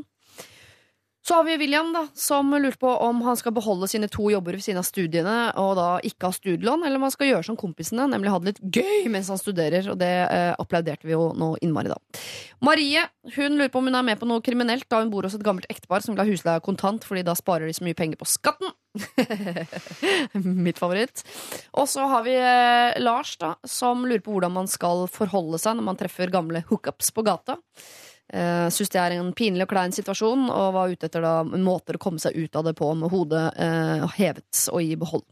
Så har vi noen desperate, en desperat samboer hvor jobben til kjæresten har tatt han fra henne. Han tar altså all tid og all uh, Han bruker alt i sitt liv på den jobben, og ikke noe på henne. Uh, ja. Og så har vi Janne, da, som potensielt kan få en kopp fordi hun eh, lider av et dronningssyndrom, som gjør at hun eh, vil eh, ha flere SMS-er hun ikke kan svare på fra en fyr som har dumpet henne, som hun vil ikke tenke noe mer på. Ja. Godt hva innebærer det å gi koppen til, sa du? Å gi en kopp innebærer at da eh, gir man en kopp, og så er det noen som får den. Trodde det var et sånn norsk ordtak du ikke kjente til. Litt som Ja, å jeg gå trodde over bekken gått etter glipp av Nei, det. så koppen. Ja. Nei, jeg spør, jeg. Jeg spør, jeg. Jeg, jeg, jeg må lære. Jeg må være i Hva sa utvikling. det andre var? Gå over hva Gå da? over bekken etter vann. Det skal vi ikke gjøre i dag. Eh, hvem fortjener denne koppen? Da? Det er eh, altså basert på eh, hjerte, hode, mage. Jeg har en helt klar vinner fra Ja. starten av. Ja. Eh, og det er eh, denne frøkna som har en mann som jobber veldig mye. Ja. Da kan hun sitte i frokosten med sjefen og drikke megetsigende av Lørdagsrådekoppen sin. Og så slipper vi å sende i posten, så vi kan bare sende med deg hjem. Så du kan gi den til Ja, dama, for det er til ikke meg, ja. Nei, uff, det skal jeg dårlig samvittighet. Jeg stemmer også på henne, fordi jeg tenker at da kan hun, hun kan tenke sånn Nå er det altså, jeg, hun kan, Du kan bruke den som en slags sånn milepæl. Du kan si sånn Nå er det seks måneder siden jeg fikk den koppen. Mm. Eh, og det rådet jeg fikk om å holde ut, det, det har ikke hatt noen særlig effekt. Eller det har hatt effekt. Eh, ja, Ja. ja. ja det, det kan jo hende. Mm. Du har svartmalt det forholdet der noe innmari, Janne. Stakkar som gråter. Det blir, en det blir en enstemmig gjeng her. For jeg også er for å, at hun skal få den koppen. For hun må få den muligheten. Kanskje det kan være kanskje en oppmuntring til å forsøke. Og, Og um, ja, forsøke en periode, iallfall. Og se om det går an å fungere. Og så hender det jo at noen sier at eh, hvis hun tilpasser seg, så kan det hende at hans samvittighet vekkes. At han faktisk kommer tilbake eh, i retur og tenker at hun, eh, hun eh, holdt jo ut. Ja. Og, og så videre, og kanskje han justerer seg med tiden. Eh, og så gir man det litt tid, og hvis hun er så glad i han, så er det kanskje verdt et iherdig, et sånn helhjerta forsøk.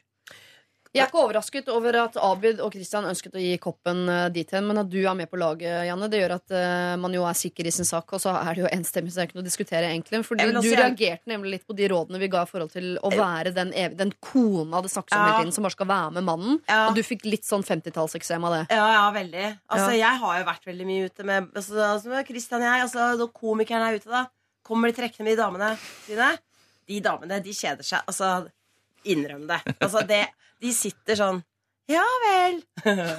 og så må de liksom prøve å være Vet ikke hva de skal gjøre. De er veldig usikre. Skal jeg prøve å bli venner med kollegene hans? Altså, med andre komikerne Eller skal jeg prøve å bli venner med eh, de andre? Skal jeg prøve å bli liksom, venninne med eh, kjærestene til de andre komikerne? Det ser ut som et mareritt hver eneste gang. Eh, det, ja, nei, jeg ville, det hadde jeg ikke orka. Så når du gikk opp til denne uh, jenta her, så er det av i ren sympati, for du har med egne øyne sett hvor grusomt det kan være å prøve å involvere seg i mannens liv. Ja, På en og annen måte. Men så tenker jeg også, hvis jeg skal gi litt håp, så tenker jeg, vet du hva, hvorfor ikke, hvorfor nøjes med en kopp? Send en haug med kopper, så kan hun invitere sjefen hans, kona til sjefen hans og barna hans til dem. Så kan de kanskje få føle litt rann hvor Men er det er. kjemperåd. Da involverer hun seg i hans Også- liv, som tar veldig mye tid nå. På Den, sine I en periode må man uh, godta det, men hun gjør det på sine premisser. Mm. Ja. Hvis hun blir med på den kaffen denne en gang, så kan du kanskje ta opp dette med sjefen på en sånn myk måte. Så det er veldig fint at mannen din får lov til å komme her og spise frokost, for jeg får jo ikke noe tid med han. Så, så Å nei, så- ikke bli så- Janna. Ikke, kanskje ikke denne, men, eh, men eh, jeg,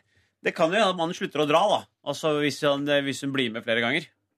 At det blir litt kleint for han òg, og så skjønner at det er litt rart. Eventuelt så kan hun jo skaffe seg sitt eget liv, da. Det har jeg også hørt at folk gjør. Altså at de har egen jobb, egne hobbyer, egne venner. Ja, så, Kjøp seg en dildo. Jeg, jeg, jeg, jeg har troen på at eh, altså, de, de forholdene som fungerer best, har også hver sine liv. Altså Du har separate liv som du lever, men du har ett felles liv også. Ja. Og hvis den ene personen da ikke har et eget separat liv, men hele livet består av det man har felles, så blir det veldig vanskelig. For det er normalt det er å egentlig leve i hvert fall to-tre liv. Ja. Vi gjør jo det alle sammen. Og hvis Ja. du da ikke har de to-tre andre livene, men kun det ene livet med, med din ektefelle eller samboer, så blir det veldig tungt for deg sjøl, og så blir det også veldig, veldig stort ansvar å legge på samboeren. Denne sendingen har vært sponset av Schizofreniforeningen. Tre liv. Tre liv. Jo, men altså, du Jeg har, var flott ja, sagt, da. ja, så jeg lever et, et liv med kona, og så har jeg et liv med barna. Og så har, så har vi, så har vi fellesliv, og så har du jobblivet ditt, så har du kanskje ditt treningsliv. Du har, liksom, du har mange steder og situasjoner, roller du fungerer Mange inn i. hatter. Og, med, og hvis du da Og kun har. Hvis du bare har én greie, og det, er, det er ektefellen, så blir det, Det veldig mye ansvar å pålegge også ektefellen. For at da kan jo ektefellen nesten ikke gjøre noen ting av dårlig samvittighet. Så når Janne sier så humoristisk 'skaff deg et liv', så mener vi egentlig 'skaff deg flere liv'. Du Ja, har selvfølgelig ett, men du trenger en tre-fire eh, til. Og ett av disse livene skal selvfølgelig være i tospann med eh, mannen din. Og det skal være en ganske stor porsjon av det, spør du meg. Tusen takk for mange gode råd i dag, eh, folkens. Ha en fortreffelig eh, lørdag videre i singlet og knebeskyttere. Og hva stiller du med, Christian? Eh, engangsgrill. Og engangsgrill stiller du med. Dette er P3.